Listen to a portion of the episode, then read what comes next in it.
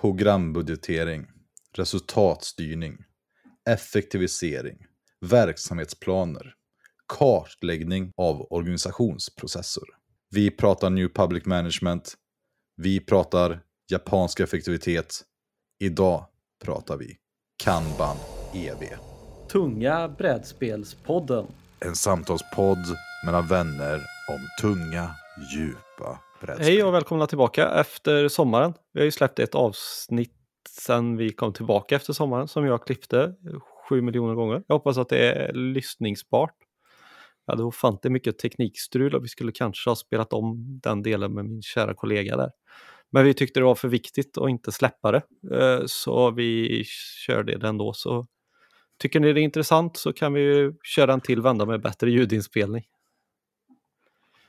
Ja, nu har vi tänkt att vi är tillbaka igen. Vi ska försöka köra. Eh, så vi släpper ett avsnitt ungefär i månaden under hela hösten. Eh, ja, har jag glömt något Erik?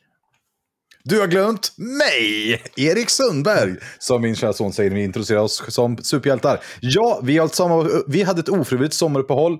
Förra avsnittet vi släppte var det berömda klippningsavsnittet, teknikavsnittet, psykisk ohälsoavsnittet, som tycker jag var intressant. Vi kanske kommer tillbaka till det.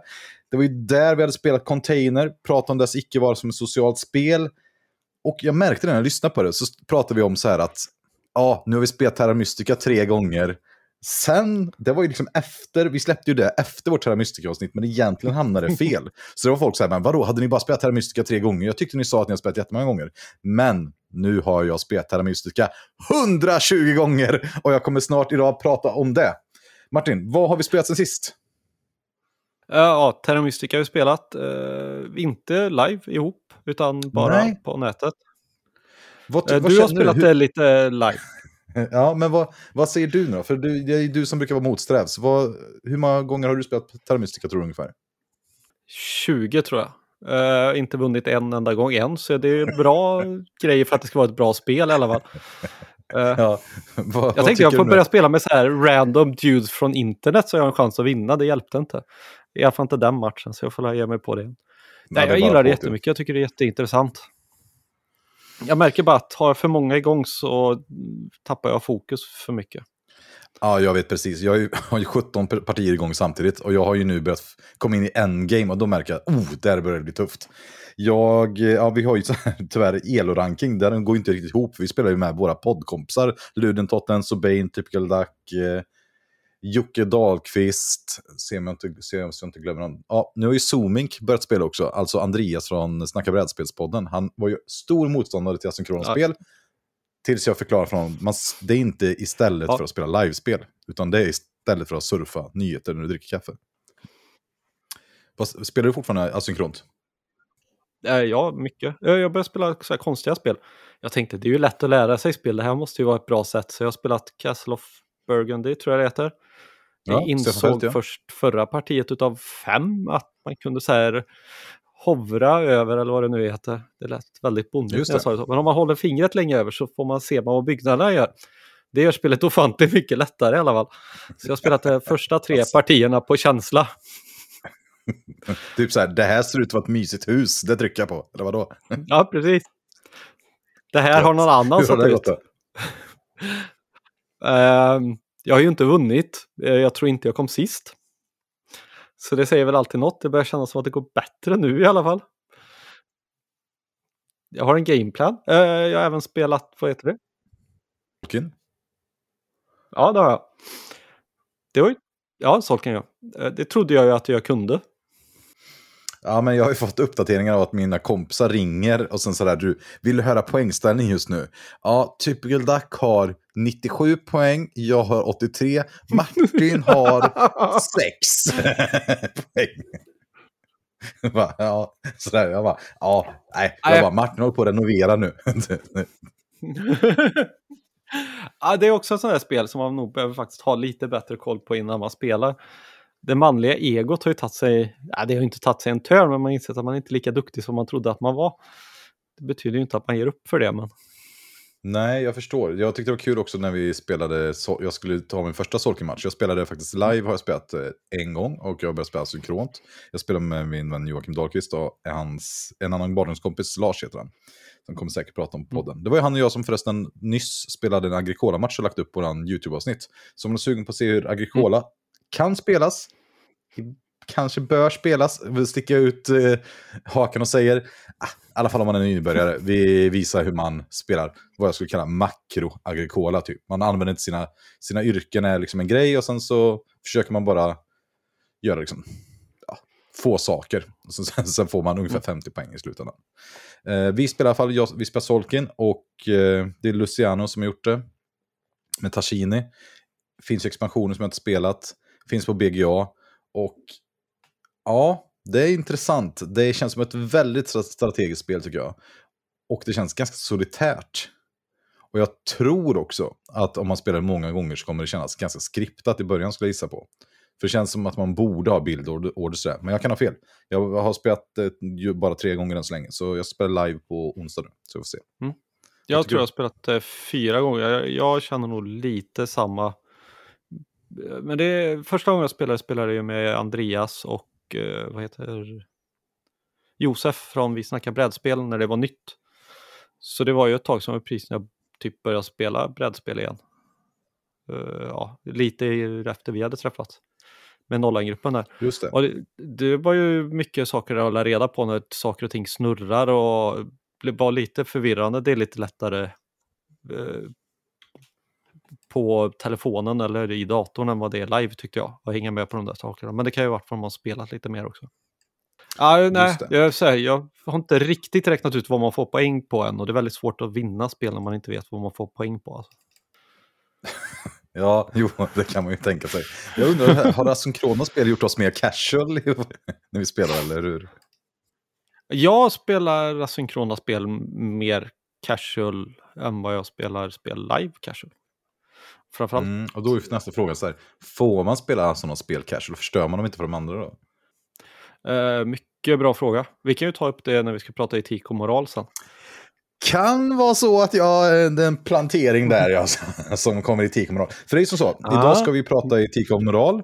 Eh, om inte bara hur man borde spela, utan kanske hur, hur får man spela brädspel? Alltså, får man gå från bordet? Får man tableflippa? Får man hämnas? Får man skapa konflikt? Får man hota någon? Alltså vad får man göra i spel? Liksom? Eh, hur får man spela? Och det här är ju ett ämne som jag brinner för kan man säga. Det är ju typ anledningen till att jag för första början tänkte så här, man borde skapa en podd, det här måste pratas om. För jag märkte hur vi i vårt spelgäng som var väldigt stort, spelar spel på väldigt olika sätt. Men jag ska inte säga ja. mer om det. Jag tycker att eh, jag är lite nervös kan jag bara säga inför vad vi ska prata om idag. Ja, det är inte jag. Men vi spelade du hade ju kalas hemma hos dig. Det måste man väl säga någonting ja. om. Du hade jättetrevligt kalas. Synd alla er som inte känner Martin, för ni var inte bjudna. Eh, vi kom dit och sen spelade vi kackerlackspoker, ja. 1841, Sidreal Confluence och Bass. Ja, Bass är ju grymt. Alltså, du kommer älska det. Jag tänkte att vi skulle börja med kackerlackspoker egentligen. Ja, ja. Det, det kan vi göra. uh, ja. Det stod jag ju över lite. Sen hängde jag ju på så och såg till att du förlorade, så det kändes ju bra. ja, men vad säger du om kackerlackspoker? Är det, är det något att ha? Eh, jag tror att det är ett ganska dålig version av Skall, skulle jag säga. Med Skall tanke på är ju fantastiskt bra. Det är ett bluffspel. Ja, med tanke på att Fabian hade spelat var det 10-20 minuter innan han insåg att han inte vann genom att få sticken. Ja, alltså jag kan bara förklara snabbt. Kackerlackspoker har en förlorare. Den som får kan man säga, fyra av samma färg förlorar, eller det är eh, olika insekter. Så man ska inte få dem. Och det är så, det är så ointuitivt för många så att folk tror bara åh jag vinner. Men, Nej, du förlorar om du får fyra. Du vill inte ha dem. Och sen så försöker man bluffa hela tiden. Alltså, det är ett väldigt enkelt spel. För mig är, är ju det typiskt filler om då vi har fortsatt med vår definition som gick ut på att en film kan avslutas när som helst och behöver inte vara färdig när man, då kan sluta. Jag tycker det är skitkul. Och det liksom öppnar upp folk lite socialt och man släpper lite loss liksom, på något sätt. Du gör det ju verkligen. Mer än, eh, du får, det är din tid att glänsa som man skulle säga. tycker du det alltså? Det, det är ju snällt sagt. Ja, det tycker jag. Jag spelar aldrig med Eriks son i alla fall. Han är grym på det jäkla spelet. Han spelade skiten fullständigt av mig som ettåring, eller var han? Ett och ett halvt? Ja, ett och ett halvt.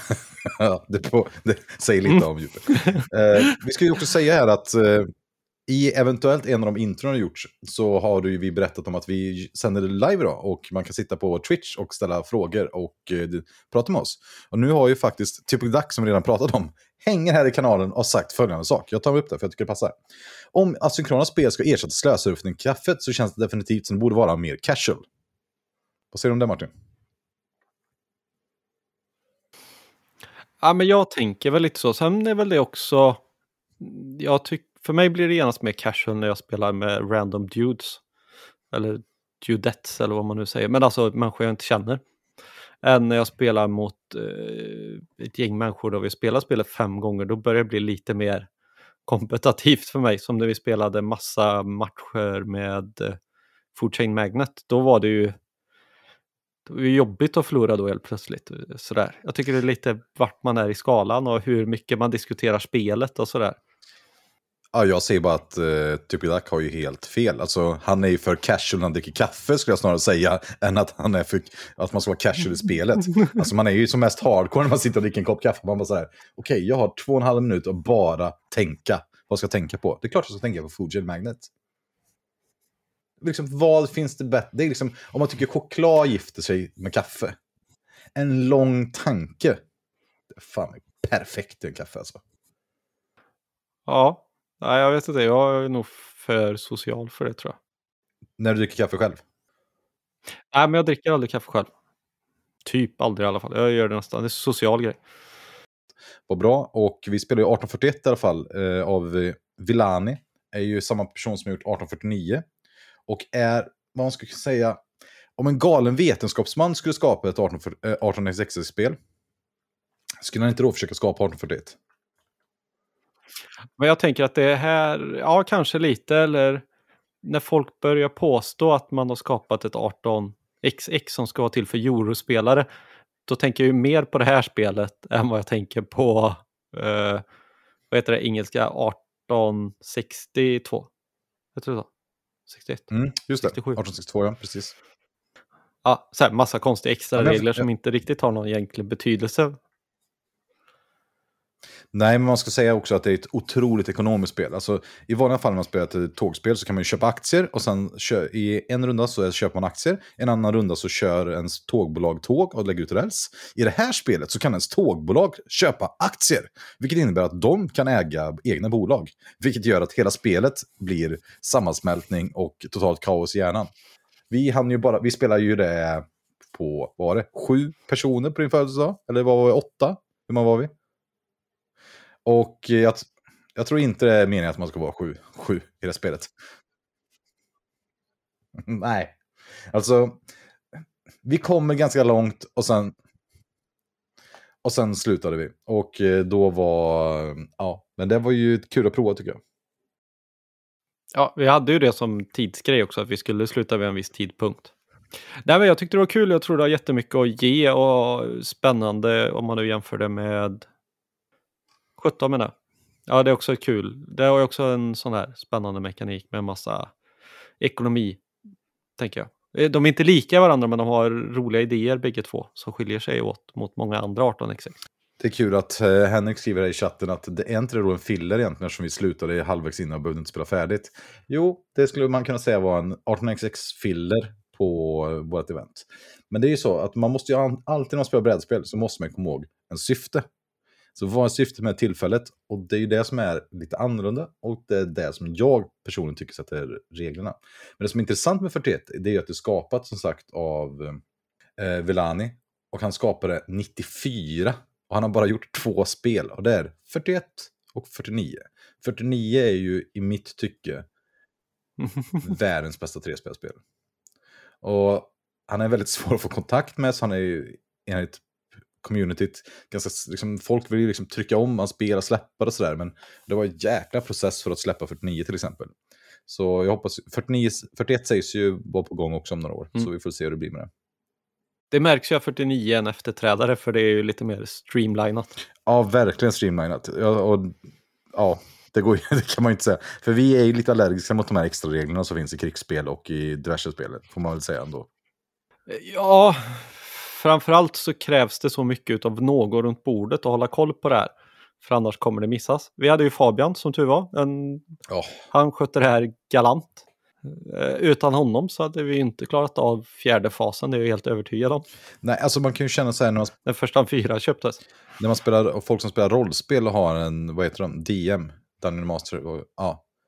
Fabian var ju det. Han kunde mm. liksom regelboken, höll i regelboken, ställde sig upp med pondus och berättade. Nu köptes första fyran. Sen var det som att han skickade en andemening. Ni som har zonat ut, ni kan gå ut och ta rökpaus i en timme så kommer ni tillbaka. Så har vi ställt om hela brädet. Jag tyckte den känslan jag fick. Kan ju också bero på att vi vill dra fiske sen klockan tio på morgonen. Men... Ja, men... Ja, det är ändå en bra start på dagen. Ja, men det är en bra start på dagen. Nej, men jag är jättepepp på att spela det här mer. Jag tyckte att eh, spännande spel, otrolig frihetskänsla, samtidigt som man ligger med press på att dö hela tiden i. Det, för mig är det bra. Frihet kontra nära dö. Det, är, mm. det gillar jag. Då känner man lite udd i tillvaron. Sen på kvällen spelar vi Sidreal Confluence. Ja, frihet under ansvar, det är som bäst. Sant. Hur kan inte du försöka beskriva Sidreal Confluence, som var årets spel 2017 tror jag? Så jag googla på det medan du berättar vad det är. Uh, det handlar om att man gör saker i realtid. Man bytes... Man ska...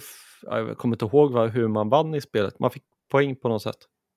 Men det finns åtta olika raser, eller om det är några fler, jag kommer inte ihåg. Men i alla fall, som håller på att ta... Som har kommit upp i universum och försöker breda ut sig eller hålla nere de nya arterna. Det är lite olika beroende på vad det är. Det handlar om att du inte kommer överleva själv, du måste byta med andra och det är fördelaktigt. Eh, vissa tycker du bättre om än andra och du vill göra fördelaktigare byte med dem kanske. Så du sitter åtta personer och fick byta saker med varandra runt bordet samtidigt. Eh, allting är bindande. Eh, även framtida grejer är bindande. Så det går inte att backstabba folk eller luras. Det är nog bara en sån klausur för att folk ska våga byta saker och inte bli för rädda som man kan bli i Settlers. Det är väl spelet i stort. Eh, rymd, häftigt, kaosartat eh, och försöka komma överens med andra människor samtidigt som någon annan försöker komma överens med samma människa samtidigt. Det är en upplevelse. Vi hade folk som gick runt bordet och gjorde deals. De vann. Vi hade andra som bara satt ner. De vann inte. Alltså precis det jag ska säga. Det är så otroligt kul tycker jag att det är liksom ett alltså, förhandlingsspel.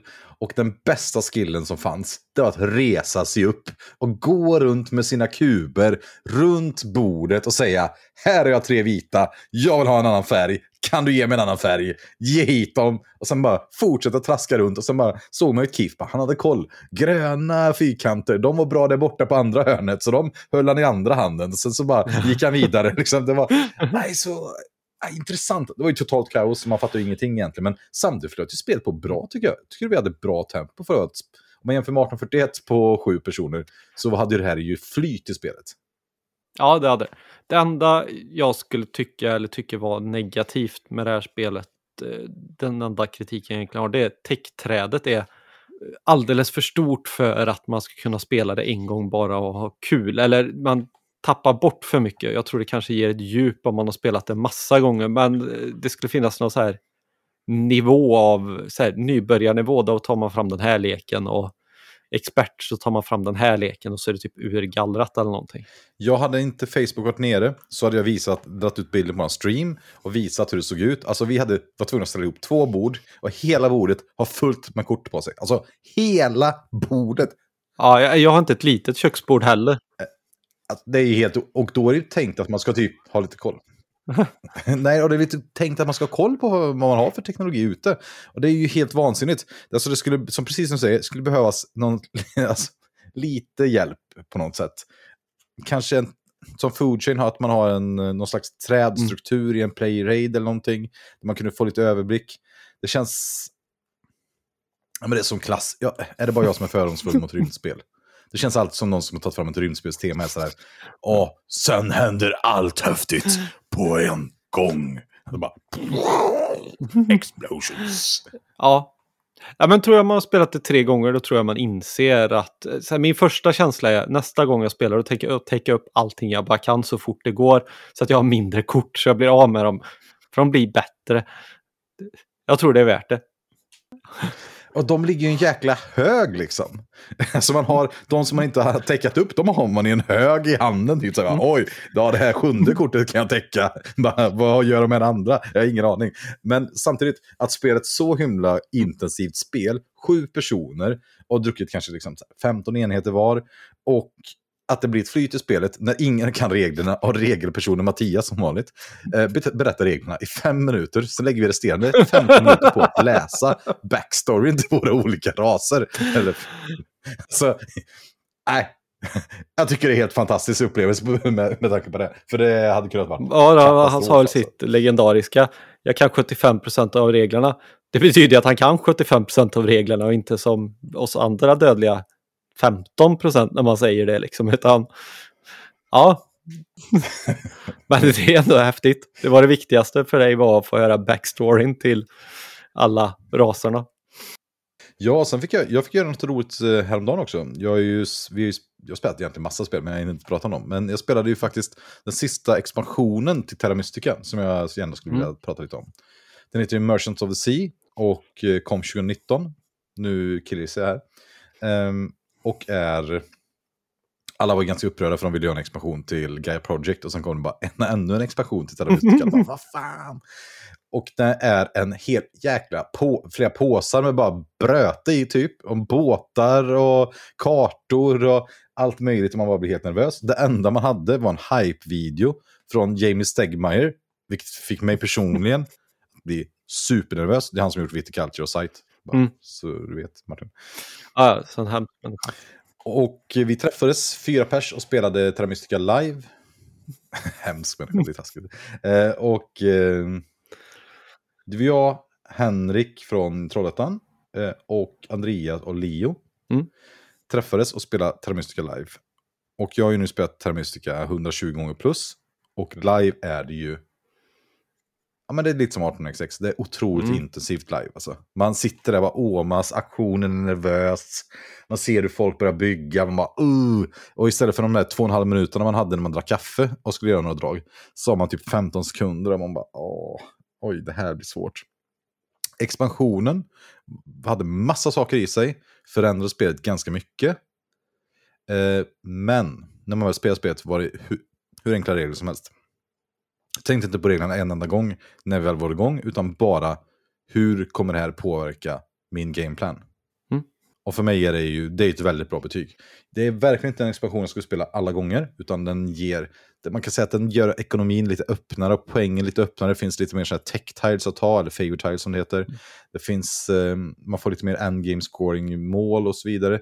Två nya kartor. Och de svåraste kartorna vi spelat på innan, alltså Lakes och Fjord som finns på BGA. Mm är ju tänkt att spelas med båtar. Ah. Vilket gör att jag förstår nu varför de är så himla svåra. Ja, där jag var ju inte med. Men det verkar ju, jag har spelat på de expansionskartorna och de är väldigt annorlunda. Så jag kan tänka mig att de bygger på en del. Ja, det finns ju ett Vänersborgsmästerskap som håller på i TM ju. Du är ju running leader va? Just det, tack för den passningen. Eh, ja, vi har ju en, eh, vad ska man säga, en playerboard, en sån här glasgrej eller plastgrej som man stoppar ner sitt ena bräde i och ser sjukt mäktig. Det är en vandringspokal och jag har två i rad. Jag är väldigt nöjd. Alltså jävla, alltså det var så, ja, det var stenhård omgång. Jag tror det skilde sig 10 poäng mellan tre spelare innan spelet slut. Och jag var ju bara dive in i expansionen. Jag kände så här, vi, för vi slumpade en massa olika setup-grejer och då kom massa saker med expansionen. Då kände jag, okej, okay, jag får gå all in, jag testar alltihop. Och istället för den vanliga Earth 1 som är två VP per hus man sätter ut, så var det så här, massa VP när man tradar och håller på. Ja, det var massa grejer. Så jag hade bara satt upp hela mitt spel för mm. tur 4 ska jag max-trada. Jag, var, alltså, jag kände i kroppen, du vet, man börjar bli så här, oh, nu kommer den här rundan, jag börjar bli nervös. Och, hur ska jag göra min power? Och, kan jag göra det två, aktivera allting två gånger? Och, det, ja, men det är den här verkligen bara käns mm. känslan man får av ett livespel när man ses. Typ så här, man sitter och hoppas inte jag verkar för genomskinlig nu. Jag måste försöka långsamt aktivera och se självsäker ut när jag tar de här första sakerna så att ingen misstänker att jag verkligen måste få power för att min tur ska gå ihop. Ja, det var intressant. Kul. Mm. Får jag fråga dig Martin, för en sak? För det handlar lite om hur man spelar brädspel och sådär. Tänker du någonting på hur du fysiskt agerar Nej, i rummet? men när du jag har tänkt ganska många gånger på hur du fysiskt eh, hanterar rummet. Va? Nej, då, nu är jag för själv Ja, men kommer du inte ihåg ditt power move? Var det andra gången vi spelade Food Chain Magnet ihop? Bara ställer sig upp och så här, sätter upp ena foten på bordet så. Och bara, mm, står och tittar på täckträet. Vilken du ska ta, breder ut dig över de två personerna bredvid. Mm. Jag tror till mitt försvar att du blandar ihop två gånger. För jag har faktiskt ett bild på ena gången. Det är när du spelar 1846 första gången. Jag står med miniräkning i ena handet och liksom ställt, ställt mig upp och typ gör någon sån här riktig manspread eh, akrobatisk övning mot bordet. jag vet inte riktigt hur det har gått till faktiskt. Och den andra gången är nog när jag ställde mig och varje gång jag skulle ta en sak i, i Chain så ställde jag mig upp och gick en bit och sen så ögnade och sen tog. Mm. Jo, jag håller med. Jo, det var kanske lite mycket. Men Så. 61 Men- var ju helt underbar, men det var väl för att Ja, du drack en flaska vin precis före. Typ. Ja. Nej, men ja, man, ja, ja, men så kan det vara. Fysiska självförtroendet är ju inte på topp i vanliga fall. Nej, men eh, jag tänker att det är, du emellanåt ger ju lite så här teaterkänsla eller så här livekänsla. Som när man var yngre och spelade så här vampyrlive eller någonting. Det kom någon som vågade ta det steget eller två steg längre och det gör det kul. För mig i alla fall. Sen ska jag inte säga att alla andra gör, tycker det, men ja, lite så. Ja, ja. Det är kul. Kul att ens, ens naiva eh, fysiska rörelse i rummet upplevs som ett live för någon annan. Det tycker jag är roligt ändå. Det blir man glad av. Men, eh, Jag tänkte att det var ditt power moves. ja, men jag tror just de här är nog inte medvetna helt. Alltså. Men, jag, men saken är att jag kommer från en bakgrund i Magic the Gathering som jag pratat några gånger om, när man spelar Magic. Och eh, där har jag en historia av att vad jag själv kanske kallar för använda the dark arts när jag spelar Magic. Eh, och jag har, jag vet inte hur mycket jag har förlorat på det, men jag har några ganska spektakulära historier om hur jag har vunnit matcher som mina vänner brukar berätta åt mig. För jag tycker att det är fram, jag, äh, jag är lite obekväm att framhäva mig själv på det sättet. Men där jag kanske har sneglat på olika sätt, hållit i en penna på olika sätt. Eh, jag kan bara berätta ett kort exempel så du förstår vad jag menar. Eh, I en Magic-match, alltså kortspel som man spelar en mot, Ja, en, spelar en mot en, så kan man tänka sig att man har som ett brädspel att om någon gör någonting så kommer något jättebra hända för mig. Och i Magic så kan man ju ha en kortlek som man bytt själv och vi draftar det. Och det är väldigt, liksom, det är låg sannolikhet att någon har just det där kortet som skulle förstöra en. Och då är, fanns, spelade vi ett set. Jag åkte till Paris och tävlade. Och då fanns det ett kort som sa att om motståndaren anfaller med tre gubbar så kan du för jättelite resurser döda alla tre. Om motståndaren anfaller med en, två eller något annat antal så var kortet i princip oanvändbart. Um, och då var det ju verkligen en sån här grej att man då spelar runt det genom att då inte anfalla med tre. Men jag hade just det här kortet i min lek och eh, jag mötte en person som, jag, uh, som, vad ska man säga, jag uppfattade personen att personen var duktig och uppfattade sig själv som duktig i spelet och var en person som kunde kort, vilka kort man skulle spela runt och sådär. Och min hand så hade jag kortet på och jag visste att det här kortet måste jag få lägga i den här matchen annars kommer jag antagligen förlora. Så jag var liksom tvungen att personen skulle anfalla med tre, tre gubbar. Och inför den helt avgörande rundan så är jag, be, ja, jag kan inte hålla riktigt med, jag blir så fnissig. Så, så såg jag att personen vrider upp sina kort, tittar på mig, kollar på sin hand, tittar på sina gubbar, inser jag har tre gubbar, har verkligen personen det här kortet? Måste jag spela runt det? För han kan typ döda mig om jag inte har det. Eller göra jättemycket skada. Och eh, jag då har ju försökt ha en ganska loose mentalitet som vanligt. Så lite sådär. Och han tittar på mig var, och kollar på sina, liksom går fram som att han ska anfalla med sina kort för då vrider man på dem. Då, då, det jag gör då, det är att jag blixtsnabbt tar upp min penna. Och tar fram, då har man ett, liv, ett anteckningsblock där man har skrivit upp sina liv så att det är liksom tydligt mellan, när man tävlar vem, hur mycket liv man har. så jag tar upp min penna och som man gör då om man säger omedvetet bara ska anteckna hur mycket skada man tar. Mm. det är som en mental sak att man visar att man, jag har ingenting. Utan hur mycket ska du anfalla med för liksom, du får, jag tar skadan. Ja. Liksom. Så jag bara tar upp pennan, redo att skriva hur mycket skada jag tar. Och då ändrar han sin rörelse. Och istället för att vrida två som man tänkte från början, vrider han alla tre. Och jag bara så här, ah, wait a moment, I, need to check. jag bara, ja, tar upp det här kortet, alla dina gubbar dog, sorry, du får matchen. ja. Nej men, eh, och det, man kan säga att jag har ganska många sådana historier där man har gjort olika sådana saker. Och jag har tyvärr lite av det här draget i mig. Så när vi pratar sen om hur man får tävla sådär, att ibland så kan jag, men jag märker ju själv, till exempel när jag spelar Agricola, du vet att du måste ta mm. typ två read, en resurs som har blivit dubbel. Och sen vet du att personen som är före dig i turen vill jättegärna ha mm. träd och read. Men för dig är det jätteviktigt mm. att han inte tar read.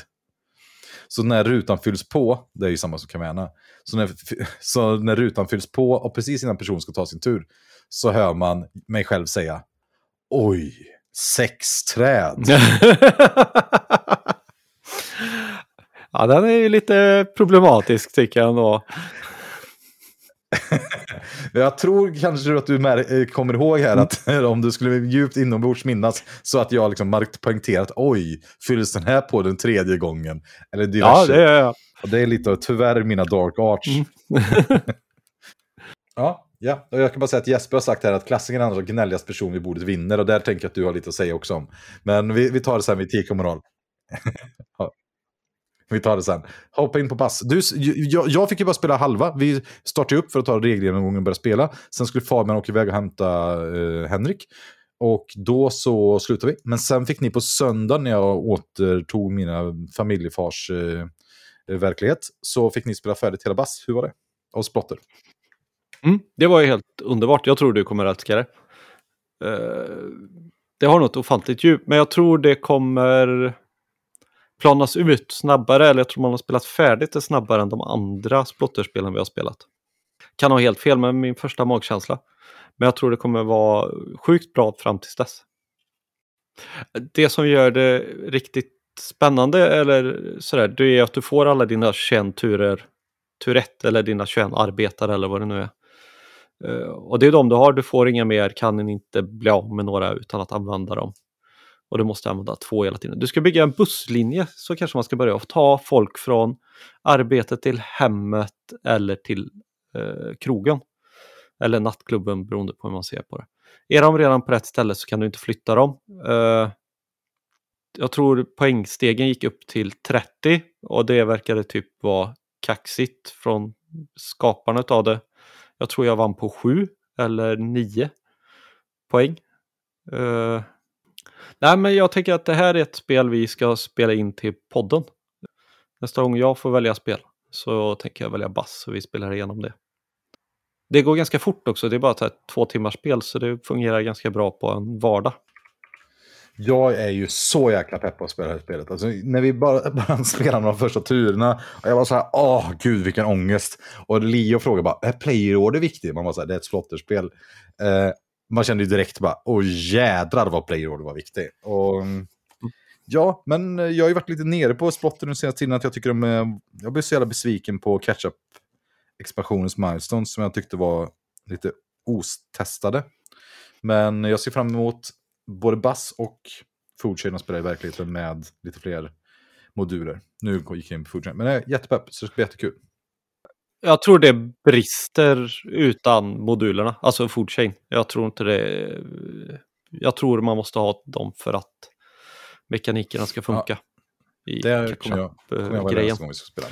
Det var bara kort vad vi spelar. Vi bestämmer inte själva vad vi spelar hela tiden. Det är ju tyvärr så. Eh, och roligt, givetvis. Eh, jag vet att det som har bestämts nu vi ska spela nästa är mm. ju Imperial. Eller Imperial 2030 som också finns av... Eh, Uh, MacGertz. Ett av hans tidiga spel, jag vet ju att podden som jag följer, Så Very Wrong About mm. Games, mm. hypat det jättemycket. Och de säger ju att det är ett Euro-esk 18xx-spel. Mm, vilket betyder typ att det är ett ekonomiskt spel, eller? Jag vet mm. inte. Ja, antingen det eller grovt tiling då, men det brukar det aldrig vara. Nej, du, brukar, vi, du och jag brukar vara skeptiska till 18xx-likt. För än så länge är ju bara 18xx-spelen knappt 18xx-spel. Precis. Jag tänker så här, eh, Concordia är ju helt underbart. Eh, så jag tror, jag ser verkligen fram emot detta också. Ja, va, hur bra är Concordia? Kan man få en snabb recension på det? Uh, snabb recension? Uh, ja, jag skulle väl säga att det är en åtta tror jag. Tvåspelarvarianten. Åtta, det är det högsta betyget jag hört dig ge. Åtta betyder typ min tia. Ja, det tror jag. Wow, jag känner mig ganska låg på... Ja, jag gillar det jättemycket. Ja, ja så tycker jag om tvåspelarvarianten. Tycker jag också är intressant. När man spelar i lag. Ja, just det. Lagvarianten. Det är ju fantastiskt, det måste man säga. Om ni tycker om mm. Concordia och inte spelat Venus, som är nysläppet som kom för två år sedan, 2019 tror jag. Kan man spela i lag och det har ju vi tyckt varit jättekul. Alltså sexspelarmatcherna och två mot två spelarmatcherna är ju otroligt intensiva alltså. Superbra verkligen. Ja, ska vi glida över på nästa? Vi har ändå tjatat en stund om... Det var introt till moral och etik. Mm. Okej, okay, tanken är så här Martin. Du har ju, jag har ju sagt till dig att du behöver inte förbereda dig. Utan jag förberedde mig inför vårt uh, tema. Förra gången pratade vi psykisk hälsa, innan det var koloniseringen av Indien, etc. Alltså vi har ändå ganska tunga ämnen. Det här är ett ämne som egentligen är ämnet som jag ska kunna. Så jag är ändå filosofilärare. Jag har studerat filosofi ett gäng år. Och eh, det här handlar om hur vi, hur vi alla ska kunna få spela bättre spel. Liksom, det här är helt praktiskt. Det är abstrakt och lite flummigt om man tycker det är flummigt. Men liksom, syftet med det här momentet som vi pratar om nu, det är att vi ska kunna få till bättre spel i Sverige. Och det är liksom en av anledningarna till att, eh, ja men, jag hade från början tänkt att det här är mm. ett, något avsnitt man borde göra. Och sen insåg jag, fan jag är kompis med Martin, jag älskar honom, det är klart jag vill ha en podd istället. Och så tänkte jag, någon gång så borde vi göra ett avsnitt om etik. Och eh, ja, det här är här vi är nu. Ja, jag har sett fram emot att få svåra, djupa frågor mot mig. Nej, men, men grejen är så här på något sätt att vi, som vi pratade om, vi hade en stor spelgrupp, vi var massa personer och då märkte jag att det var många personer som såg väldigt olika på hur man ska och bör spela brädspel, eh, hur man spelar brädspel och eh, hur man inte spelar brädspel. Alltså det finns väldigt många tankar och känslor kring hur man spelar brädspel. Till exempel om man diskuterar kingmaking. Om vi skiter i vad kingmaking är, så sen, eh, hur ska man göra, vem har rätt, vem har fel, klassiska exemplet, det är, din, det är ditt sista drag i spelet. Du måste sätta ut en pjäs som ger poäng till någon. Det poänget kommer generera en vinnare. Var ställer du pjäsen? Vi har ju diskuterat det lite snabbt förut, hur vi tänker kring 18xx och sådär. Mm, men det får du inte ta först, för det kommer sen. Ja. Okej, okay. så jag har förberett här en liten del, men jag fick så här otrolig prestationsångest. Så jag, jag klarar inte av att förbereda så himla mycket. Utan jag har förberett lite grann. Och jag bara tänkte, först tänkte jag så här att jag kommer ställa lite frågor till dig. Mm. Som du bara får lite tänka fritt eh, kring. Och vad du tycker. Och sen få, så att folk där hemma kan liksom, tänka själva lite samma mm. sak. Och sen så diskuterar vi lite efter vi har liksom någon slags svåra frågor. För ofta, det är många som har stött på och säger sådär, men det är ju självklart hur man spelar. Det är ju bara att göra X. Mm. Och sen låter det väldigt bra. Som till exempel någon säger, eh, det gäller bara att göra det som är bäst för en själv. till exempel. Mm. Eller det gäller bara att eh, försöka vinna. Mm. Liksom lite sådana såna saker. Men det som är intressant med typ filosofi och tänkande överhuvudtaget är att vi vill ofta tro att vi håller med folk. Ja. Men det kanske vi egentligen inte gör om man börjar liksom tänka på det. Och då är frågan, och, och det jag märkt att när man spelar spel så kan ju folk ibland, jag säger inte så jättemycket i vår grupp, men ibland kan ju folk vara i en match, bli sura på varandra för varför gjorde du så där? Ja. Typ.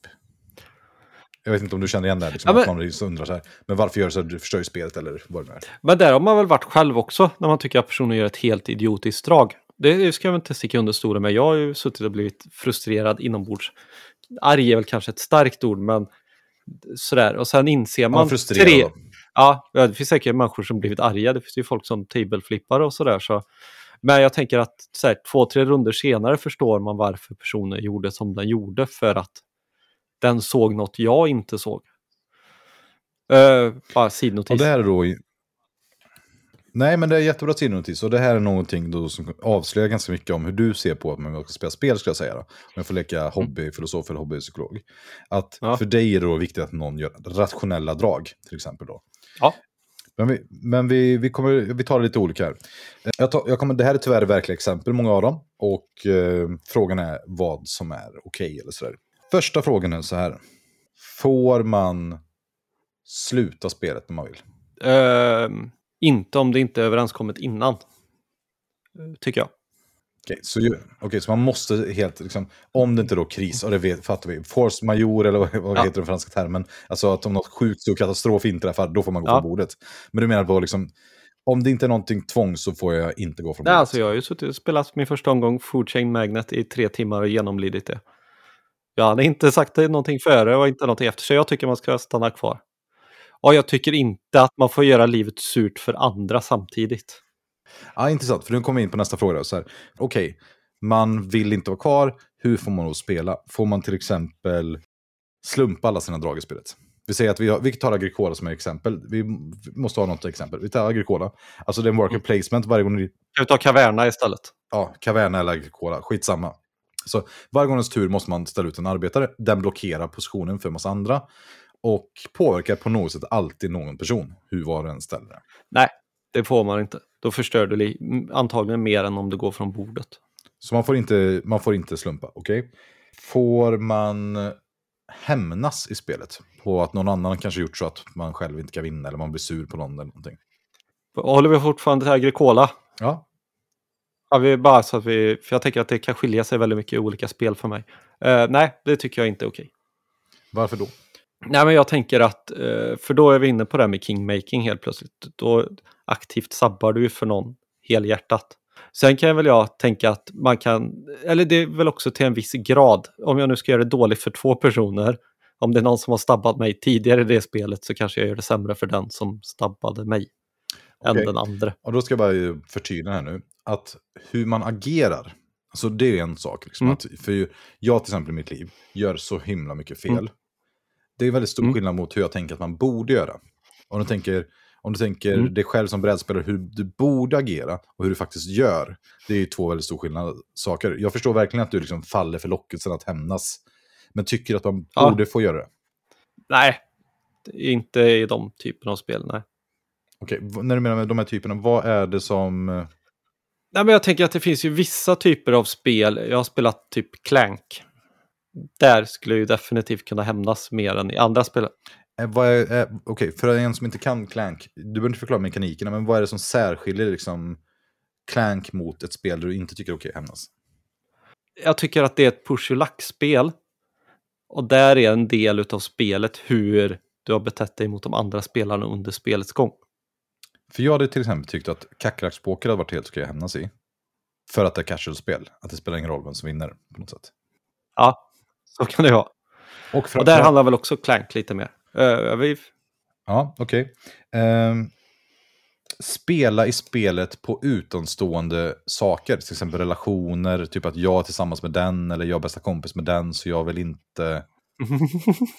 på, liksom, är det okej att eh, spela i ett spel?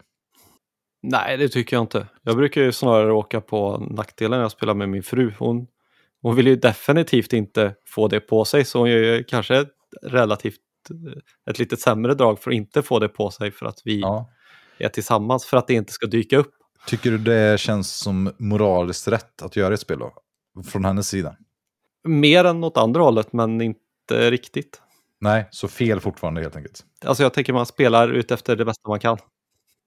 Typ, jag Ja, jag tycker Tycker det. Duck är inne på den diskussionen mellan olika spel. Han säger att är Ameritrash och lite rollspelsaktiga spel, liksom, som de spelar för flavor på något sätt. Där är det okej mer att hämnas. Mm. Ja, Ehm, Okej. Mm. Ehm, det håller jag med om. ja, om du har tidigt i ett spel, två stycken alternativ. Det, du, du måste, vi det klassiska exemplet i... ehm, Ja, vi tar Trailer Read eller Terraform Mars. Du har en meteor som måste skickas. Någons djur ska dö. Mm. Ehm, vem är okej att välja i ett spel att du ska förstöra för? Om du ska skicka en meteor i, i eh, Terraform Mars som är dålig för någon. Du ska döda någons djur. Vem Mm. är okej att välja? Eh, den som känns som leder och finns det ingen klar ledare så tänker jag ta den som vann sist gång. Intressant. Så den som leder, det tror jag är helt okontroversiellt för mig, min del. Men du menar alltså den som vann mm. senast? Eller har vunnit flest gånger, flest gånger. bakåt. Så det... Den jag ser som ett störst hot runt bordet. Men är, är inte det precis som vi pratar om relationer, alltså någonting som ligger utanför spelet? För om den skulle till exempel ha... Jag ser det mer som ett handikapp. Om man, jo, men om man tänker sig att en person har något sämre position i spelet just nu, är det okej okay då att skicka Meteor även fast för den har vunnit 99 de senaste 100 gångerna? Nej, det, det börjar bli lite svårt, men nej, det tycker jag nog generellt inte. Nej, förklara hur du menar. Men jag tänker så här, någonstans eh, så har ju olika, om vi nu tar, jag vet att Erik kommer göra blä om tre runder för det gör Erik alltid. Jag kan sätta stopp för det nu. Eller så kan jag hindra uh, Lars från att få, ja, nu dog min Discord, de här tre stycken grejerna.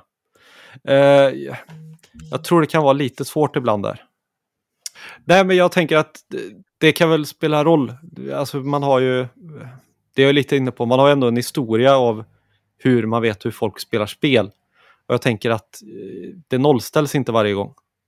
Det var det jag försökte göra. Jag vet om jag nu kan göra det här, Erik kanske inte leder nu för att han går alltid på senare game poängvinnande saker och inte på early game vinnande saker. Då kan det vara mer okej, okay, men att bara sabba för dig för att du är du tycker jag inte är okej. Okay. Förstår du skillnaden jag försöker göra däremellan? Ja, för, inte det. Ja, jag, för jag tycker att det är ett personangrepp på något sätt. Alltså liksom att det är utanför, det är precis som att det bygger på en relation eller inte. Men mm. det som är intressant här är ju någonting som jag tycker är så otroligt vanligt och ett jätteproblem för eurospel. Att folk tycker att den som leder är den som har mest poäng. Ja. För alltså om det är någonting jag blir nipprig av, då är det ju folk som säger så här, jag har fem poäng, du har 25. Och alla bara så här, ja fast i alla spel som vi spelat så är det dåligt att ha 25 poäng i runda två, när det är sju runder, för att den personen har minst poäng när vi slutar. Så är naturlagen för alla euros. Ja, precis. Och eh, för du beskriver egentligen nu en situation där du tycker någon leder, fast just nu inte syns så jättetydligt. Ja. Då tycker jag det är självklart att du ska spela mot den spelaren. Typ som att vi tar ett 18 spel eller Agricola eller vad fan det är. Som helst. Jag har noll poäng, men jag har bäst motor. Det är klart att jag är hotet. Mm. Det är klart att man ska spela mot mig. Ja. Men om jag inte har ett skit, alltså jag är faktiskt den som ligger sist i spelet. Har man då rätt att ens spela mot mig då? Trots att jag har vunnit de senaste gångerna.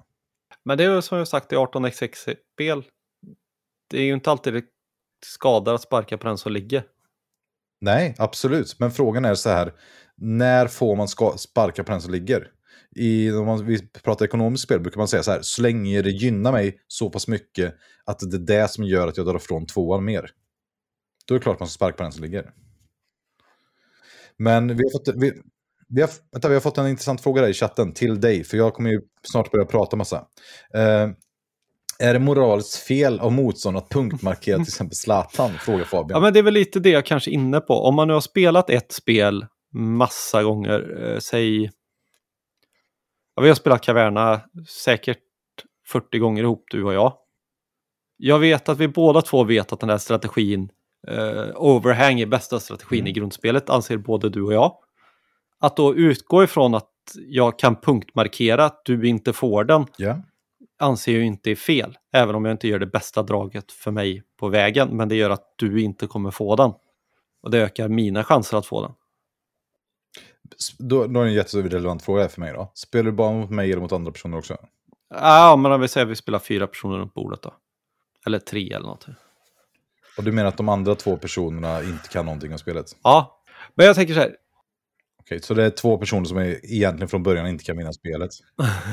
Okej, vi, vi gör så. Om jag nu refererar till Fabians fråga där då. Uh, Zlatan jag tänker att det måste ju vara massa personer som spelar fotboll. Jag är lite dålig på det här, om det är 11 eller 10 eller 14 eller vad de nu är. Jag tycker väl inte att det är orimligt att man sätter två stycken på att, ja, att man sätter två på att markera Zlatan då, de andra får spela något annat. Men om du sätter alla 10 på Zlatan, då, då kommer du ju aldrig vinna den matchen heller. Och jag vet att du och jag ser lite olika på det här. Ja, de håller på att ställa massa frågor om Zlatan. Typ att skriver, är Zlatan spelar den här liknelsen, eller en av de elva pjäser som spelaren kontrollerar? Eller är det morals... Ja, det där. Eh, jag tänker så här att jag ska backa några steg. Jag vill bara att vi börjar tänka på de mm. olika frågorna, alltså olika ställningstaganden. För jag har ju en, en sista kvar, mm. fråga kvar. Och det är den här när vi spelade Great Western Trail en mm. gång. Och då hade, jag tror till och med det var Jesper faktiskt, som hade i, som är i vår chatt just nu, som hade möjligheten att han kunde på sitt sista, drag, sista drag i spelet antingen gå mm. in i mål, göra så att mm. alla personer får ett drag till i spelet, eller ta en extra action som gjorde att den som ledde spelet just då, i allas ögon, fick själv mm. eh, fick två actions till. Så alternativ ett är att han går in i mål, alla andra får en action. Ledarna får en action. Alternativ, alternativ ett, han går in i mål, alla får en action. Alternativ två, han går inte in i mål, gör en egen action, men den som leder får då två actions. Det som är grejen är att om man gör en extra action själv, det är att han har en viss procent att få mer poäng i slutet av spelet. Och den vissa procent kan vi diskutera sen. Ja, men jag tänker, när vi spelar 18x6 så har ju vi pratat igenom det här före. Ja, men nu vänta. Ja. Vi, vi, vi tar det sen. 18x6-grejen tar vi sen, för det kommer en stor punkt här sen. Men vad, vad skulle du ja, säga utifrån det här med för jag tänker att det är ju, hur man spelar? För jag tänker att det är precis det här du beskriver just nu. Att du ska ju försöka göra till störst chans att du kan vinna. Eller komma nära ettan som möjligt. Mm. Och är det då, anser du det att eh, det är att ta en rund, gå ett steg och låta den som leder få två runder till, att det är större chans att du vinner då, då tycker jag att du borde göra det. Okay. Även, ja visst, är det en procent då kanske man inte ska göra det, men alltså är det rimligt så tycker jag man ska göra det. Ja, för det, det är det luriga här. Det var typ en, det var typ en på tio. Mm. Vad är rimligt då? Jag vet inte. Uh, 40 procent? Ja, 40 procent definitivt. Jag tror jag är nere på 10 eller 20 procent att jag tycker att det är rimligt. Ja, nej men har en sista fråga. Och det var ju en gång när vi spelade Great Zimbabwe. Då var det ju faktiskt en person som sa, jag kan inte vinna längre. Jag åker hem. Ja, just det. Det, det sa vi kanske innan. Men det är inte okej, okay, tycker vi inte då helt enkelt. Nej, det var ju då jag var, tog över och höll på att vinna. Ja, det var väldigt kul. Bara, personen ställer sig upp, Martin har legat däckad från ont i huvudet. Martin hoppar in i spelet och håller på att vinna matchen från den positionen. Alla var tvungna att gå ihop. Okej, okay, men jag ska backa lite där. Där till ett exempel när vi skulle välja spel en gång. Um, ja. Och en person säger så här, mm. om vi inte spelar det här spelet tänker jag åka hem. Och Mm. Då fick det mig att undra, liksom så här, men vad är det vi gör här? Liksom, vi är här för att träffas, vi är här för att spela spel. Och på någon, i någon mån så har man vissa kompisar typ, som är brädspelskompisar. Vi spelar brädspel ihop, det är liksom grejen. Och då är frågan så här, mm vad är syftet med, liksom, med att spela brädspel? Borde man ha ett gemensamt syfte? Kan man ha olika typer av syften? Eller eh, vad skulle du säga är syftet liksom, med... Hur ska, varför, varför spelar man brädspel? Jag tänker så här väldigt ofta och mycket framförallt utifrån mitt jobb och så där, men när någonting är fel eh, eller det blir svajigt som vi brukar säga när vi pratar på jobbet, eh, då har man ju inte diskuterat grundpremissen, varför är man där? Är det för att Just jag ska få spela mina spel? Det här måste diskuteras före, annars kommer man ju hamna där att eh, vi går hem eller jag vill bara spela det här, eller alltså hela den här grejen. För jag tror i vår gamla grupp så tror jag det var en hel del som tyckte du var ganska problematisk. Som sa att du kunde spela vilket spel som helst och så valde du tre tunga brädspel och så lyckades du förhandla dig till att det blev något av dem. Det tror jag också folk kan anse som problematiskt om man säger så. Just för att man har olika typ tankar om varför man ses eller? Ja, men lite så. Men en av de som var med spelar ju massa olika spel och gör reviews på de spelen och sådär. Och jag förstår att Josef, den personen... Eller? Ja, precis. Jag kan ju förstå att hans syfte där är att få testa nya spel som han kan prata om och kan visa upp på sin YouTube-sida. Problemet är ju när man inte har pratat om det i förväg, då blir det ju lite konstigt. Eh, det slutade med ja. att jag jag köpte inga brädspel för jag tyckte inte det var värt det. För jag skulle aldrig få spela mina brädspel ändå, så det var ju min lösning på det hela. Det kan också ses dåligt. Okej, okay, men eh, du kommer ju in på en massa saker som jag kommer att prata om här nu. Alltså att det man pratade om innan, hur man ska göra, och att man, det är lite som att man har typ ett äktenskapsförord, man kommer överens över hur det är. Så sker ju sällan i verkligheten, utan det är ju så här, hej, ska vi spela det här spelet? Vi ses hos mig, och sen börjar man liksom välja olika spel man ska spela. Sådär. Mm. Och jag håller verkligen med dig om att det här är någonting man ska liksom försöka prata om. Men frågan är liksom så här att spel, jag skulle säga så här att först och främst så finns det en skiljelinje mellan vad jag upptäckt att folk, olika folk, alltså har någon slags egen moralisk uppfattning. Att vissa personer verkar säga så här att målet med att spela spel är att jag ska ha kul. Mm. Alltså, det jag tycker många gånger man läser forumtråd, forumtrådar är så här, om jag inte längre kan vinna, alltså att jag har tråkigt, eh, då skiter jag i det, liksom, eller något sånt där. Och jag tycker att det, det är en, liksom en rimlig rimligt sätt att se på det. Det liksom grundar sig i någon slags, vad vi kallar i filosofin för etisk egoism. Typ att alla får se efter sig själva. Och det är upp till alla att göra mm. det. Och gör alla det så blir det ganska bra, för att vi känner oss själva bäst och sådär. Och känner jag då inte för att spela ett brädspel, ja då kan jag bara åka hem. Alltså, alltså om vi är fyra personer som har den här åsikten att har man, roligt, man spelar för att ha roligt, har man inte roligt ska man inte spela. Då är det ju ganska legitimt att till exempel skita i ett spel och ställa sig och åka hem. Mm. Ska jag säga då. Eh, det du är inne på är ju vad jag skulle kalla en slags social kontraktsteori. Det kommer från mm. Rousseau på 1600-talet. Eh, och Rousseau är jag inte jätteinläst på, men man kan säga så här att man tänker sig att vi som statliga medborgare till exempel, du är en medborgare, du går typ med på massa saker utan att gått med på dem officiellt. Typ att du kommer uppföra dig, du kommer gå till jobbet, du kommer göra massa olika saker mot att du blir skyddad och så vidare. Ja. Liksom att det är någon slags gemensam grund man har som inte är helt uttalad. Men man tänker sig att det skulle kunna ses som ett kontrakt som man, bryter man det så blir man straffad, bryter man det inte så fortsätter ens liv på ett ganska behagligt sätt. Mm. Och då finns det då en filosof som heter eh, John Rawls och är en, eh, ja, han är från 1900-talet, 1921 till, ja, var 99 han dog. Han eh, kallas liberal i USA, ses som vänster. Eller han kallas liberal i övriga världen, ses som vänster i USA, tror jag. Ja, det brukar jag säga. Och har bygg...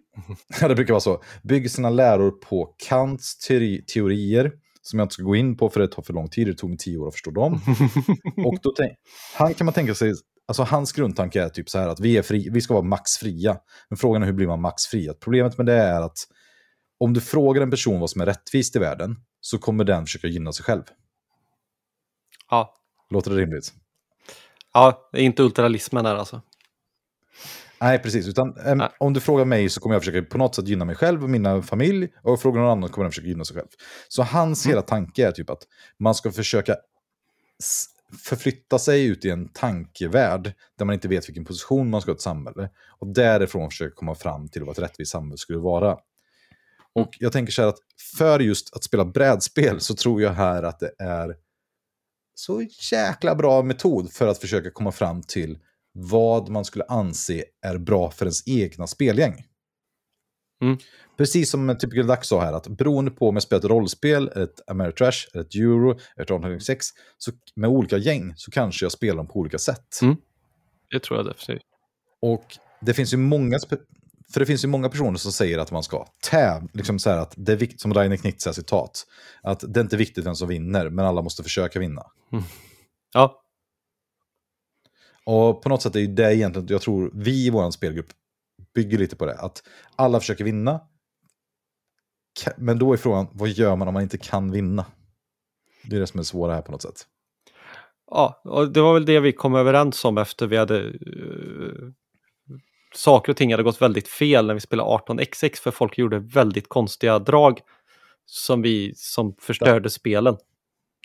Ja, och för grejen här så att jag skulle säga så här att vanlig vanlig eh, i den här diskussionen är att folk säger två saker, ska jag säga. Du får rätta mig om jag fel här. Det mm. ena är att man ska maxa sina poäng. Mm. Det andra är att man ska spela för att vinna, eller minska avståndet till den som vinner. Ja. Och det vi kom fram till I våran Nej, spelgrupp vänta. i alla fall. Det, det, det, du är för het på gröten, det är långt kvar.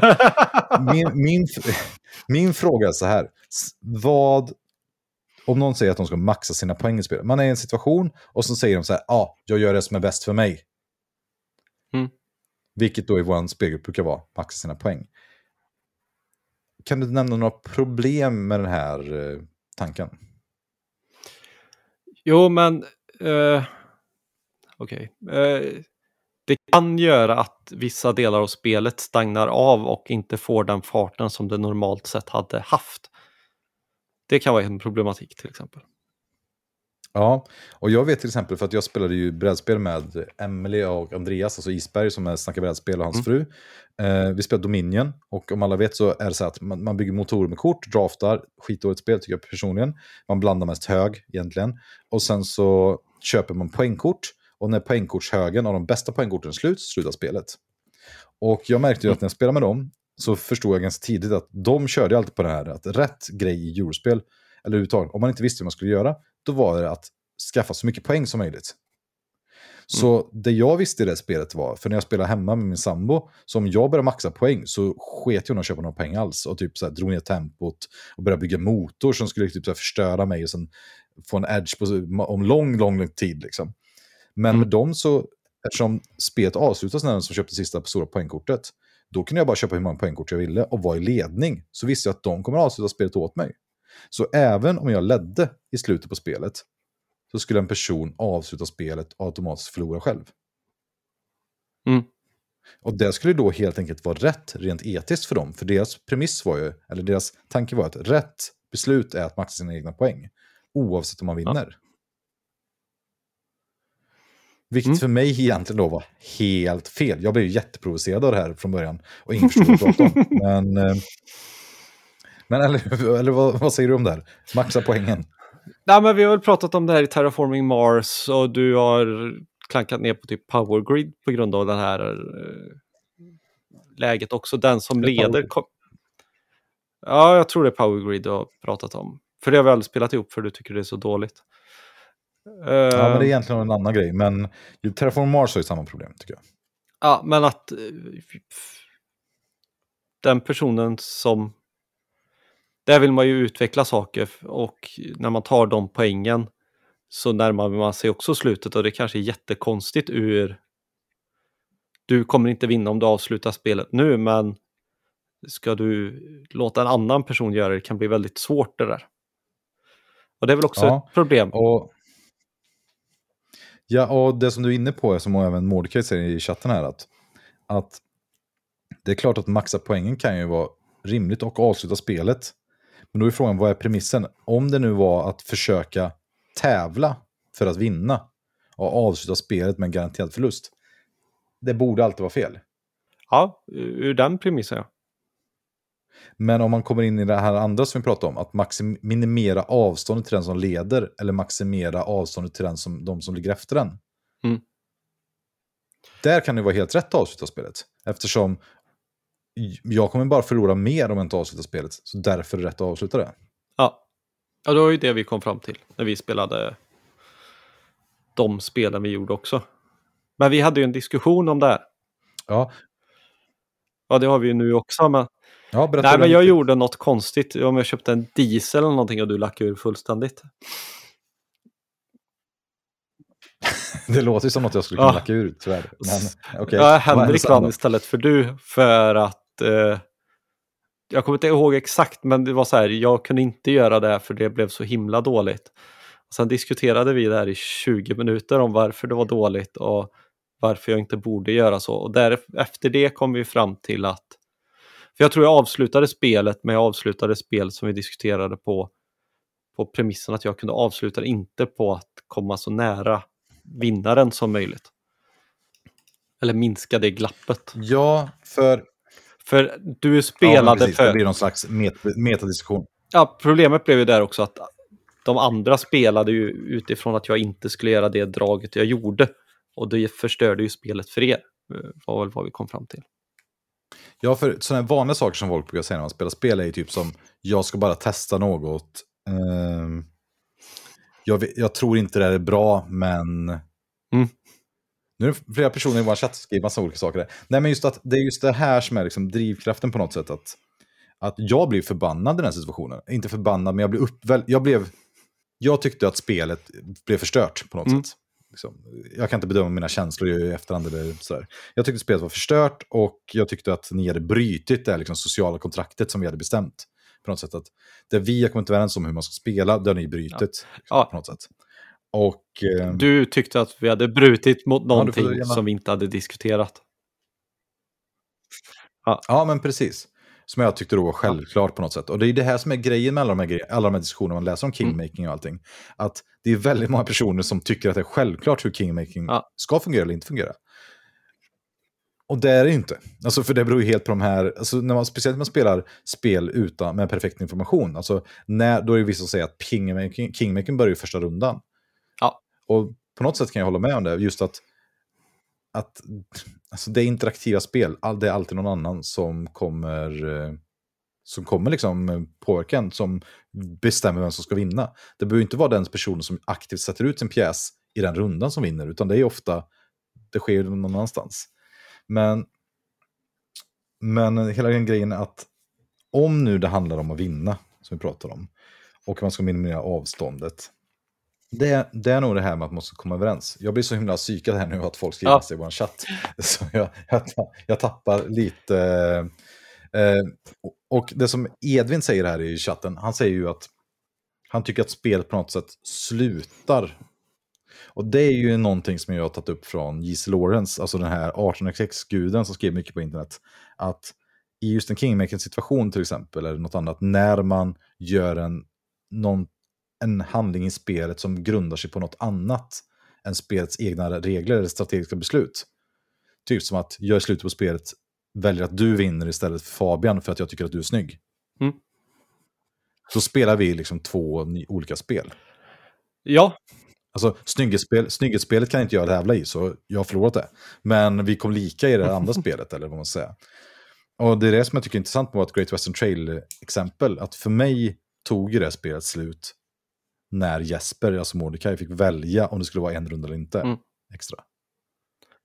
För alltså, det bygger ju på hans, liksom, vad ska man säga, moraliska kompass eller speltanke om vilket kontrakt vi är under. För vi har ju aldrig diskuterat det, precis som man säger här i chatten. Att... Och då, då blir det ju väldigt svårt att spela optimalt. Jag tänker att eh, vi har ju som sagt vi har varit inne på att vi spelat Magic förut, bägge två. Och när, eh, jag tänker, där finns det en sak som heter slow play. Det betyder att man, tar, eh, man spelar det på klocka, så man har 60 minuter på sig att spela tre matcher. Slow play i och för sig när man spelar långsamt, men... Ja, men det jag skulle komma till det.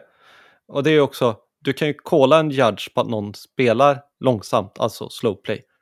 Och när ja. är det socialt accepterat att ropa på domaren för att du tycker att din motståndare spelar långsamt?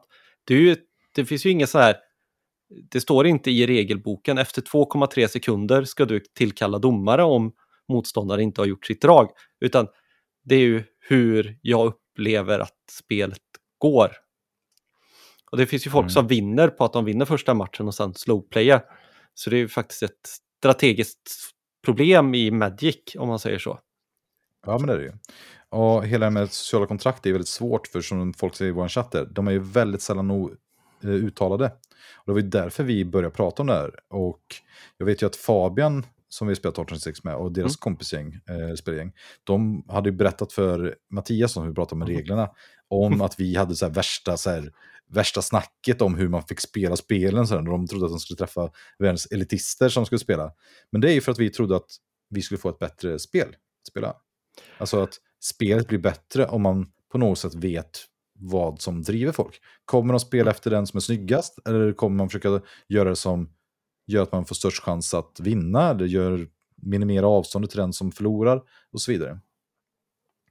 Och mm. Mordecai skriver ju här en sån typisk formulering som provocerar mig i de här situationerna. Han skriver här, om den, och den bedömning som görs i stunden av, av möjligheten att förbättra sin situation. Och då är det ju alltid frågan, men vad innebär förbättra sin situation? Är det mer poäng eller är det jämförelse med andra? Alltså, för det här är ju en sån fälla vi alla går i. Nu tolkar jag ju fan på väggen här, men, men just att mm. vad innebär att förbättra sin situation? För det är ju samma argument som jag gör det som är bäst för mig. Mm. Så exakt vad innebär det i ett 18-spel? Betyder det att jag ska sälja den här aktien eller att jag ska ha kvar den? För att jag tar på mig en för stor risk. Betyder det att jag ska ta tre träd, eller två read? När personen efter mig vill ha det ena. Ja. Jag tycker, jag tycker inte det är självklart alltså. Men jag tänker att eh, 80 av alla gräl jag varit i i mitt liv har byggt på att jag har trott en sak och personen jag grälar med har trott en annan sak och vi båda trodde att vi var överens. Och det är ju samma som vi pratar om nu. Alltså yeah. vissa saker är bara, jag, jag, ska spela spelen, jag behöver inte tycka, eh, bara för att vi valde att minimera Mm, eh, att komma så nära första platsen eller vinnaren som möjligt, att minska den så mycket som möjligt är det vi ska gå på. Det betyder nödvändigtvis inte att jag skulle tycka att det är bättre än det andra. Kommer jag till ett annat spelgäng och de säger vi spelar för att få så mycket vinstpoäng som möjligt och det är det som avgör dragen man gör. Så hade det varit helt okej okay med det också. Det kanske inte är mitt, kanske inte det jag föredrar mest, men jag skulle inte ha någon stor problematik. Men jag tycker att det är jobbigt att det inte har blivit diskuterat före man sätter sig. Ja, men, och samtidigt är det inte riktigt tråkigt, det skulle bli så statiskt. Eh, vill man inte på något sätt ha lite det här kaosaktiga, liksom att det är någons tillfälliga hetlevrades känslostorm som kan bara, jag ställer mig här, en jävel. Liksom. Vill man inte kunna ha det i spelet? Liksom, eller? Det är bara så här, okej, okay, du slutar spela, för, dig, för jag tycker egentligen då att spelet slutar då, men, men, men vill man inte ha det? Jag tycker att det blir en roligare spelupplevelse, men det betyder inte att jag kan tycka att det är viktigare än att få spela med vissa människor. Ja, och, och sen, om jag ska försöka koka ner det här till något sånt här, att vad säger då John Rawls teori om hur man borde spela brädspel? För det är det som är lite frågan här. Så han tänker att man ska låtsas typ som att man är en tankebubbla och inte vet vem man är i ett samhälle för att kunna förstå vad som är rättvist. Typ att jag vet inte hur gammal jag är, vem jag är, vilken hudfärg jag har, vilken social status jag har, hur mycket pengar jag har. Och det är först då man kan börja diskutera vad, så här, vad är rättvisa. Typ, så här. För om jag inte vet vem jag gynnar så kommer jag liksom kunna försöka få till ett rättvist samhälle om man då översätter det här till brädspelsterminologi på något sätt, eller brädspelssituation, så tänker man så här, om jag nu inte vet hur bra jag är på spel, hur social jag är, hur, ja, hur jag är, vilken, vilken person jag är egentligen. Hur skulle jag då vilja att ett spel spelas? Hur man är socialt runt ett bord? Hur man då ska agera mot varandra? Alltså för att på något sätt ta bort sin egen bias för hur man ska agera. Och det är först då man kan hitta någon slags liksom så här, allmängiltig lösning på det hela. Mm. Om du inte visste vem du var, hur, vilka regler tror du att du skulle säga då för ett brädspel? Nej, men... Vad skulle vi komma fram till liksom? För han, för han tänker så här att i den här situationen man ska komma fram till rättvisa här, så kommer alla människor som satts i den här positionen, som man kallar ursprungspositionen, komma fram till samma sak. Och det bygger så på att vi människor är så pass lika att om vi inte vet själva vem vi ska gynna så kommer vi göra det som är mest rationellt för alla. Så det bygger liksom på att den mänskliga rationaliteten kommer komma fram till samma svar, vilket gör att det är, finns ett rätt och ett fel. Och det inte är relativistiskt eller upp till alla olika personer att tycka eller tänka, utan vi skulle komma fram till samma sak. Så jag tror att han ska säga att i en given situation att man ska sitta och spela brädspel tillsammans skulle alla människor komma fram typ till samma grej. Om man inte visste hade sina egna föreställningar och biases. Liksom, med. Ja, precis. Men då blir det mer statistisk sannolikhet i sådana fall. Mm.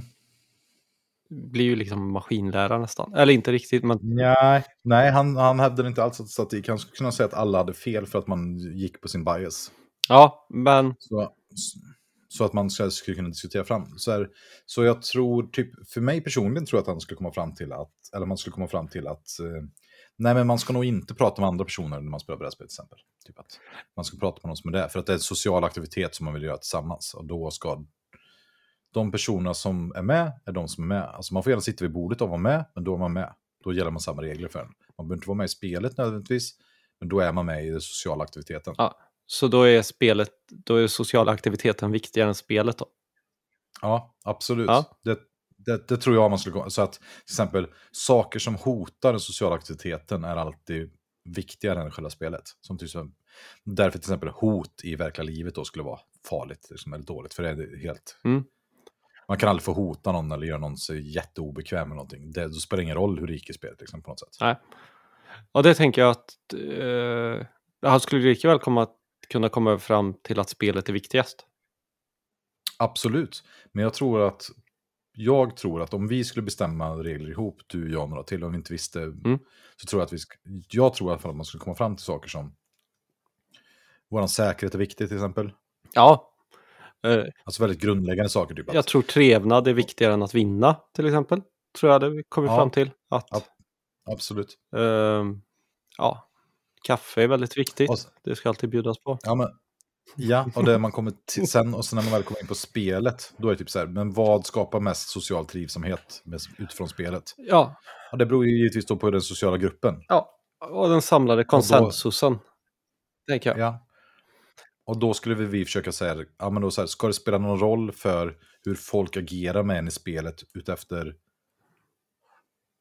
hur snygg man är till exempel? Nej, det ska ju inte vara relevant. Och då är frågan vilka saker då ska vara relevanta. Mm. Jag skulle då hävda att, att ingenting som är personligt utanför spelet skulle vara vidkommande för hur man ska agera i ett spel. Nej, men det är då vinststatistik avgörande. Det är ju egentligen utanför spelet. Då. Ja, det beror ju... Ja, det, Ja, det beror på ett spel är, givetvis. Mm. Och det, det är ju en annan diskussion. Men jag tycker, liksom, Råls tanke är i alla fall att man på något sätt kan komma fram till rätt svar genom att resonera om vad som skulle vara ett rättvist samhälle, eller rättvist sätt att spela spel på. Sådär. Sen behöver inte det vara det roligaste. En, liksom en sak, och det är enligt Rawls. Han säger så här att om man ska bestämma rättvisa här i en situation, typ som mitt i ett, då har vi bias och kommer alltid gynna oss själva.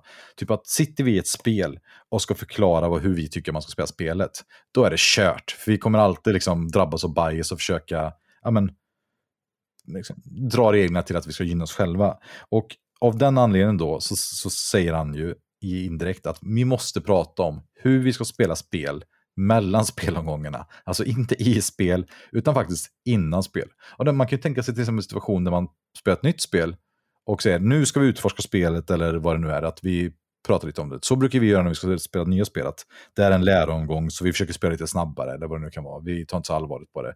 Sen försöker ju alltid folk vinna för att det är så jävla eh, inbakat i oss. Men, och, men sen om, om jag då skulle få ha ett råd till folk hur man ska faktiskt spela spel för att få bra spel, att spelen på något sätt ska skina, så tycker jag ju det är det som du har försökt berätta så många gånger nu och jag avbryter så många gånger. Och jag skulle veta, varför tycker du det är ett bra sätt att spela spel? Och funkar det även för eurospel? Och vad är det för något sätt? varför jag tycker det är bra, och det var ju lite det vi var inne på innan, det jag tycker är bäst med det, det är ju att man faktiskt kan lite förutse vad som kommer hända.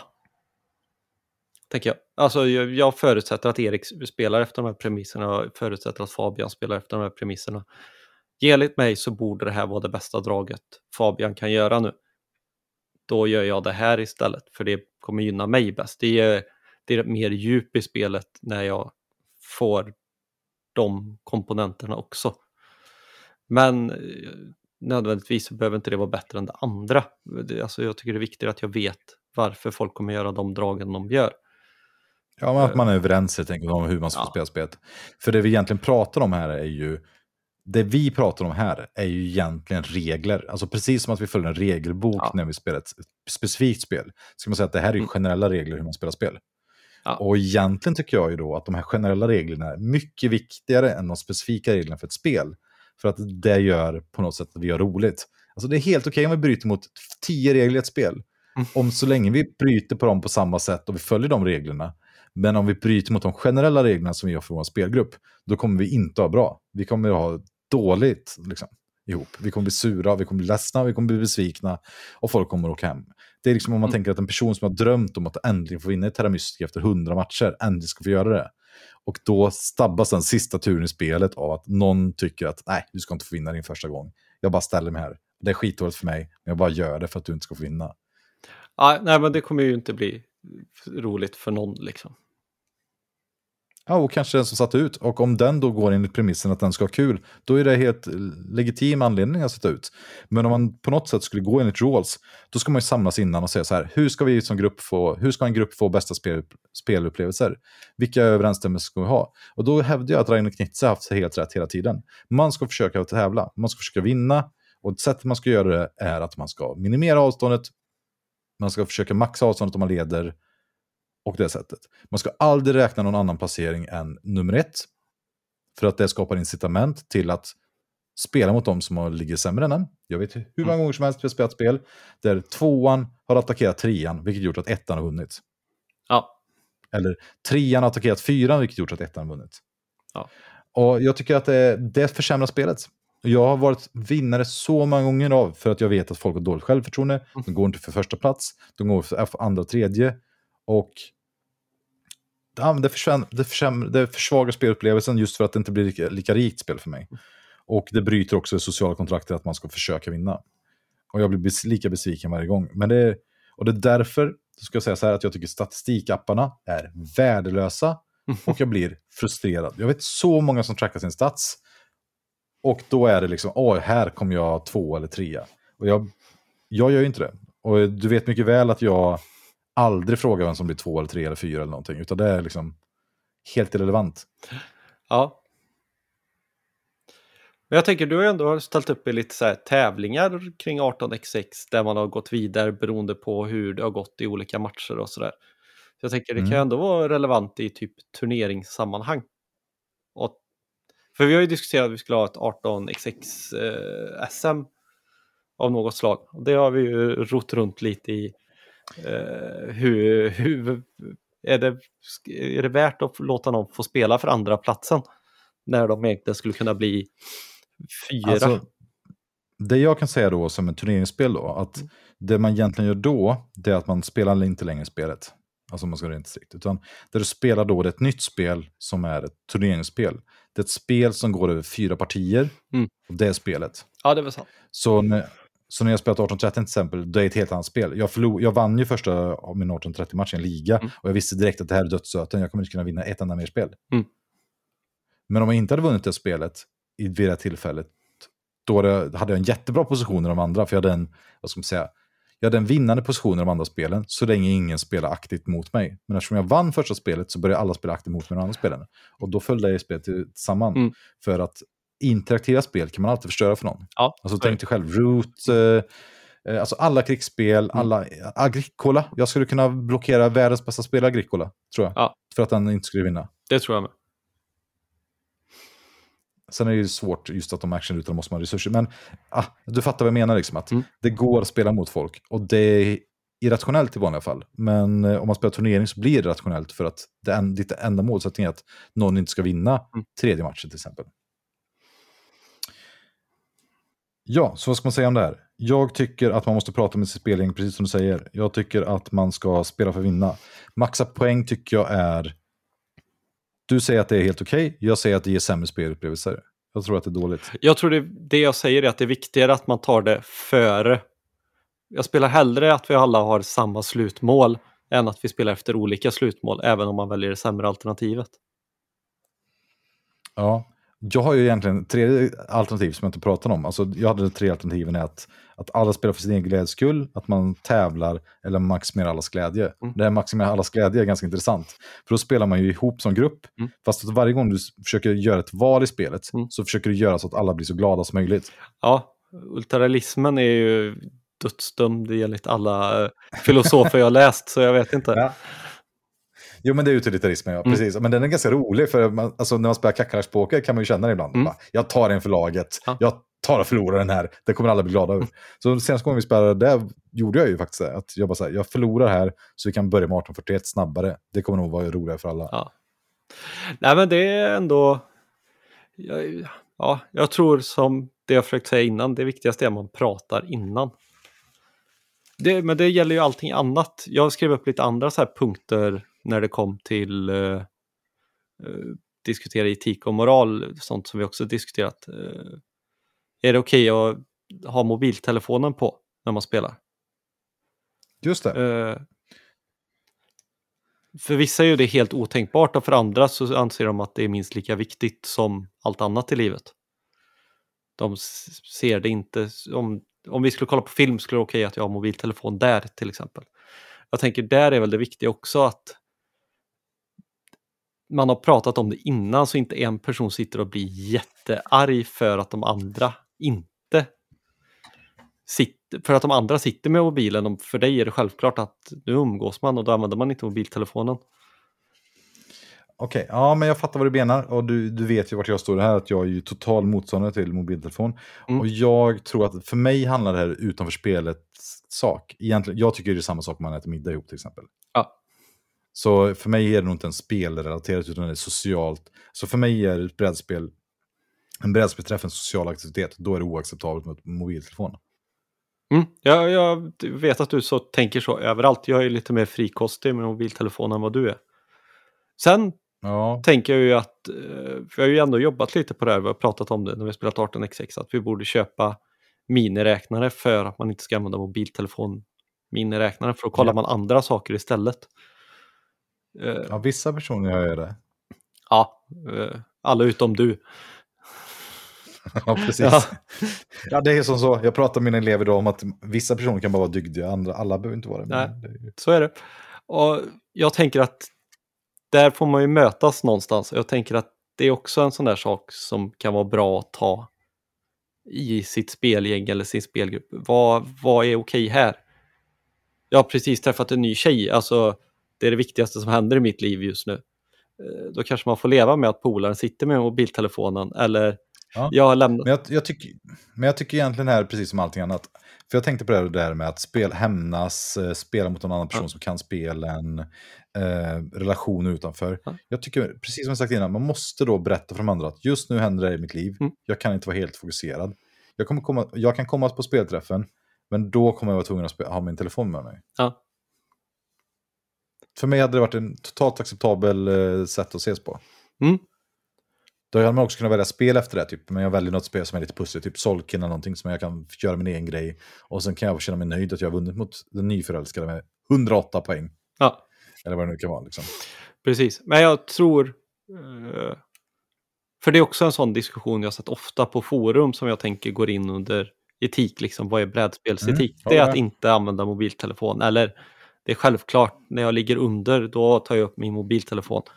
Jag tänker det viktigaste är väl här också, vad säger spelgruppen? Eller som du säger, eh, vilket spel spelar man? Vad är vi här för? Ja, och jag tycker att Jesper skriver, Mordecai skriver en intressant sak i, i sin tråd. Att typ så här, är det okej okay att ha till exempel så lång betänketid, alltså AP, mm. så att de andra liksom så här, okej, okay, men jag måste zona ut, jag måste göra något annat samtidigt. Ja, då måste man ju prata om det. Eh, om det här händer så kommer jag använda min mobiltelefon. Annars kommer jag inte ha en trevlig kväll. Eh, ja. ja. Är det typ att man pratar samtidigt som den andra gör den? För det har vi, vi har ju en så kallad fascistregeln som du har tagit upp. Ja. Att aktiv spelare får pratas med men får aldrig svara. Mm. Får inte ingå i någon konversation överhuvudtaget. Utom regelfrågor. Alla, utom regelfrågor och alla andra får prata så mycket som helst. Ja. Jag, för mig är det en en livsförbättrande regel. Ja, men det var ju också för att vi tjötade alldeles för mycket och tappade bort vems tur det var och sådär. Så det blev ju för ja. mig ett socialt nödvändigt ont för att vi skulle hinna spela färdigt. Likadant, jag, om vi pratar att ångra sig, att man har en ångring i spelet, tycker jag är en helt underbar grej. Eh, också av samma anledning, för då då kom, vissa personer kommer ångra sig mer och, än vad andra gör. Och jag säger inte att folk gör det för att de är sämre på att bestämma vad de har valt eller vill få en bättre edge mot de andra för då kan de nästan se vad nästa person kommer göra. Det är bara att det blir ett bättre flyt i spelet. Och jag brukar berätta om här när jag träffar nya personer att så här gillar jag att spela spelet. Uh, det är likadant när vi har introducerat nya till 18xx så har vi sagt att man får max ge två, två tips under spelomgången. Det handlar om att man inte ska ge för många tips till nya spelare för då får de inte eh, göra de valen de tror. Sen självklart frågar de så kan man ju berätta och svara på deras fråga men jag tror det har gjort det lättare för nya spelare och jag tror vi har kortat ner våran tid av att försöka vara duktiga. Ja, men grejen med att ångra sig är ju så intressant, för det hänger ju, tycker jag, ihop med den här AP-frågan mm. på något sätt. Att, att, för jag brukar säga så här att om jag måste vara säker med mitt beslut, typ som att om jag ska göra det jag tror att jag är med mest och tävlar, alltså syftet, mm. och försöker göra det som är mitt mest rationella beslut, så jag, jag märkte själv att jag är så dålig på att kunna se mitt drag innan jag ser det visualiseras framför sig, mig. Mm. Typ att jag faktiskt ställer ut spelpjäsen, börjar gräva i resurserna. Då ser jag konsekvenserna av mitt drag. Ja.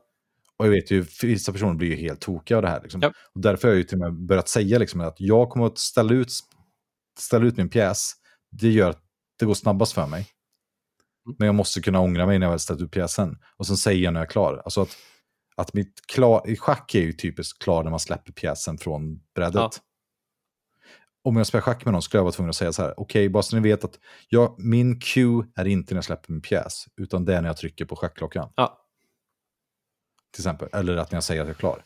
Och för mig, och det är ju bara för att vara tidseffektiv för alla andra. För att om jag ska försöka visualisera mitt drag inombords mot att se det på brädet så är det så himla stor skillnad. Mm. Och det tror jag faktiskt att, jag tror att till och med att du som har spelat med mig flera gånger skulle kunna säga att jag är mycket snabbare om jag får ställa ut mina saker. Ja, det tycker jag nog.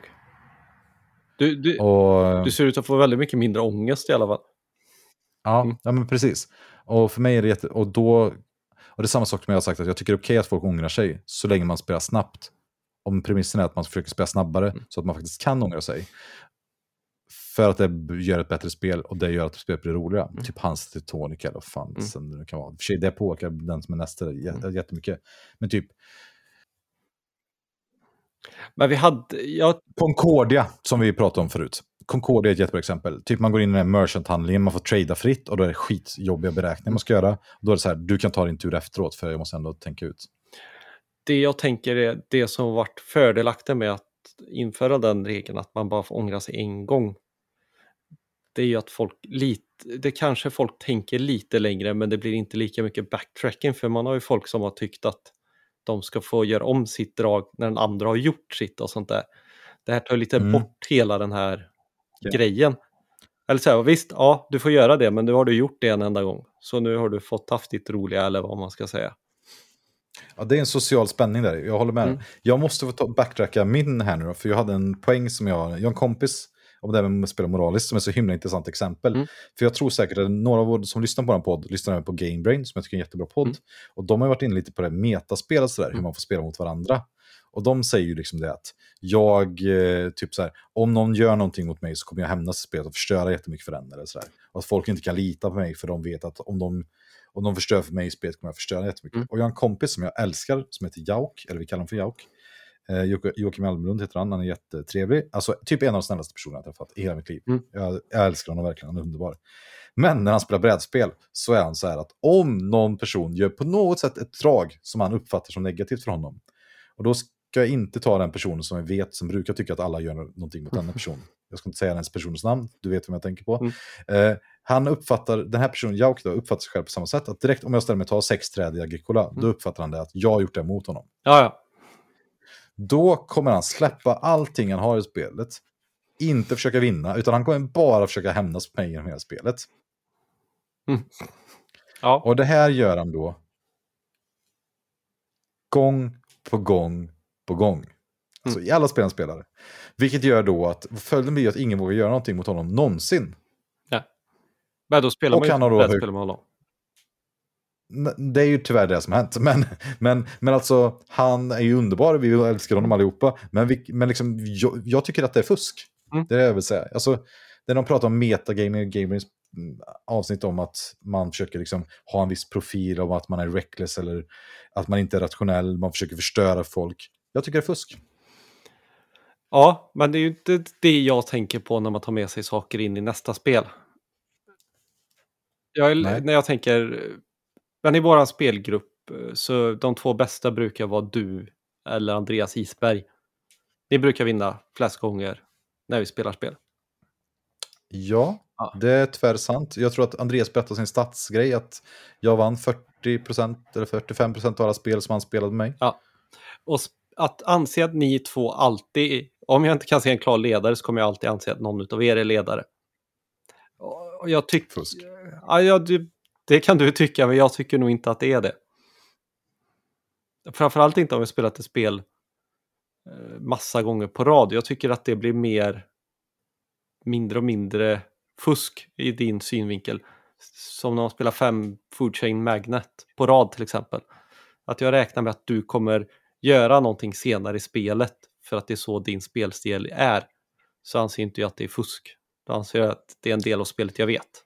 Ja, typ, för mig är det precis som att du säger att någon person är lite snyggare så jag kommer gynna den personen. I början. Liksom.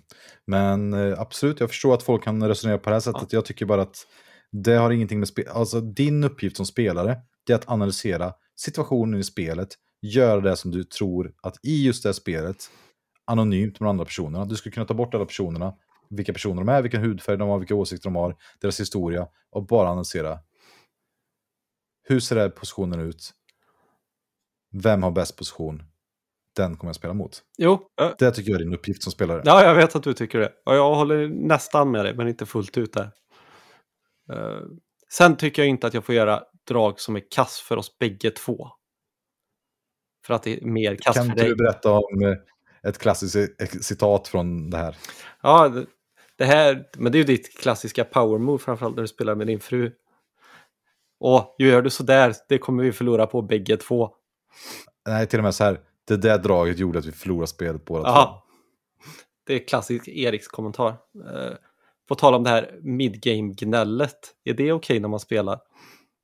Ja, men du kan väl berätta vad det är först så jag kan ta ställning till Ja, det. men det är ju också du och Andreas, eh, de som oftast brukar ha en lite senare motor eller brukar ta igen spelet senare, inte de som leder i början.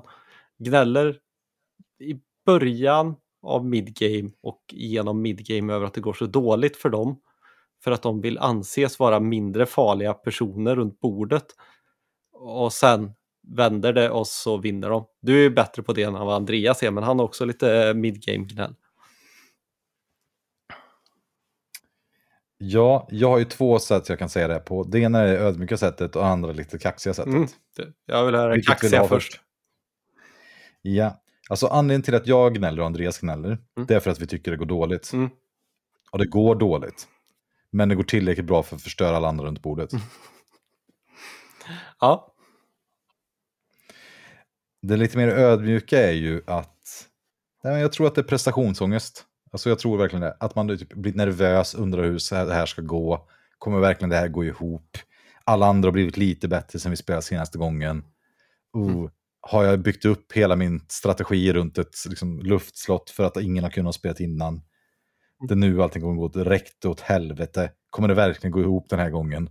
Jag har ju bara tre träd. Ska jag verkligen få ihop 15 träd de nästa gångerna? jag gillar ändå här att Typical Duck eh, skriver att gnälla vore ju ändå li- egentligen lika mycket fusk. Håller med om det. Mm. Ja, skulle man då gnälla för att få en fördel så skulle det direkt vara utanför spelet eh, aktivitet räknas som fusk. Och det är därför jag kallar det här från början när jag pratar om de här sakerna för dark arts. Det känns...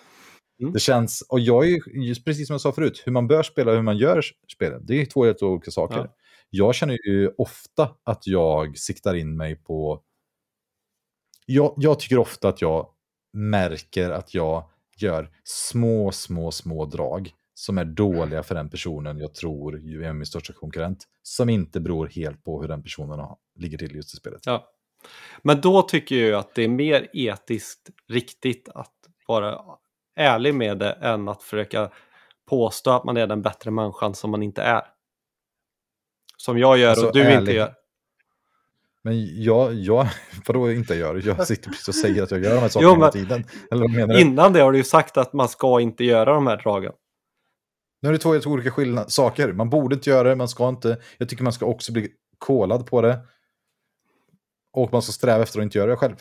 Jo, men Alltså typ som, jag strävar mitt liv för att inte äta godis på annat än lördagar. Ja. Ibland så äter jag godis på annat än lördagar. Det är dåligt. ja, Liksom. Men jag kommer fortfarande tycka att man ska sträva efter att äta godis på lördagar. ja, jo. För att det är liksom, så här, hälsofrämjande och trevligt och det är fortfarande kul att äta godis och sådär. Mm. Så du tänker, ja, nu är jag hänger med på. Så det ena är en helt teoretiskt hur man borde spela ett spel och det andra är hur man faktiskt spelar det. Ja. ja, hur man borde då liksom ihop komma överens om.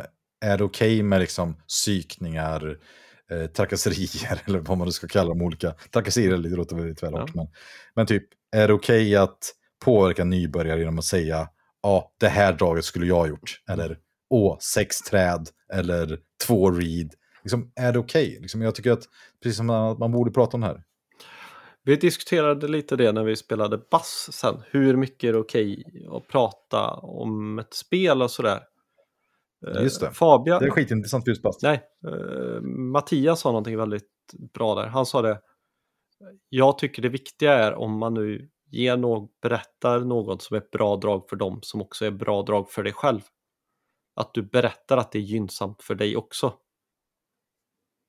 Ja, men inte hela, alltså, då måste jag bara gå in och säga direkt här. Om målsättningen i ett spel är att man måste spela för att försöka vinna, mm. då måste det vara liksom implicit, alltså understått att allting man säger är en del. Men då måste man ju ha sagt det också, tänker jag. Jo, absolut, mm. men sen brukar ju för sig jag hävda typ att när vi spelar med nybörjare och försöker lära ut något, som vi, jag spelar 1849 med Leo och Henrik, då sa vi att typ att jag kommer aldrig ge alla tips i stockround, Henrik ger aldrig operating round. Mm. Vi kommer antagligen försöka påverka det på olika sätt. Vi försöker att inte göra det, men vi har fortfarande liksom... Ja. Vi kommer försöka vinna det spelet mot varandra, vi kommer inte spela mot dig. Mm. Um, så man kan inte helt lita på oss, men vi kommer försöka vara så neutrala vi bara kan. Mm. Men vi lämnar helt fritt spelrum mot varandra för att det blir så jävla jobbigt att lyssna på som nybörjare. Ja, det är en bra lösning på det hela. Men jag tänker också att det är viktigt det är att man tar det från början någon gång också. Att man har den diskussionen hur introducerar vi spel eller hur tipsar man runt bordet? Vad är okej, vad är inte okej? Ja, och det jag pratar om här då alltså att man har en egen, alltså när jag försöker ge råd så tror jag ju på 100% att jag försöker ge ett neutralt, neutralt tips. Mm.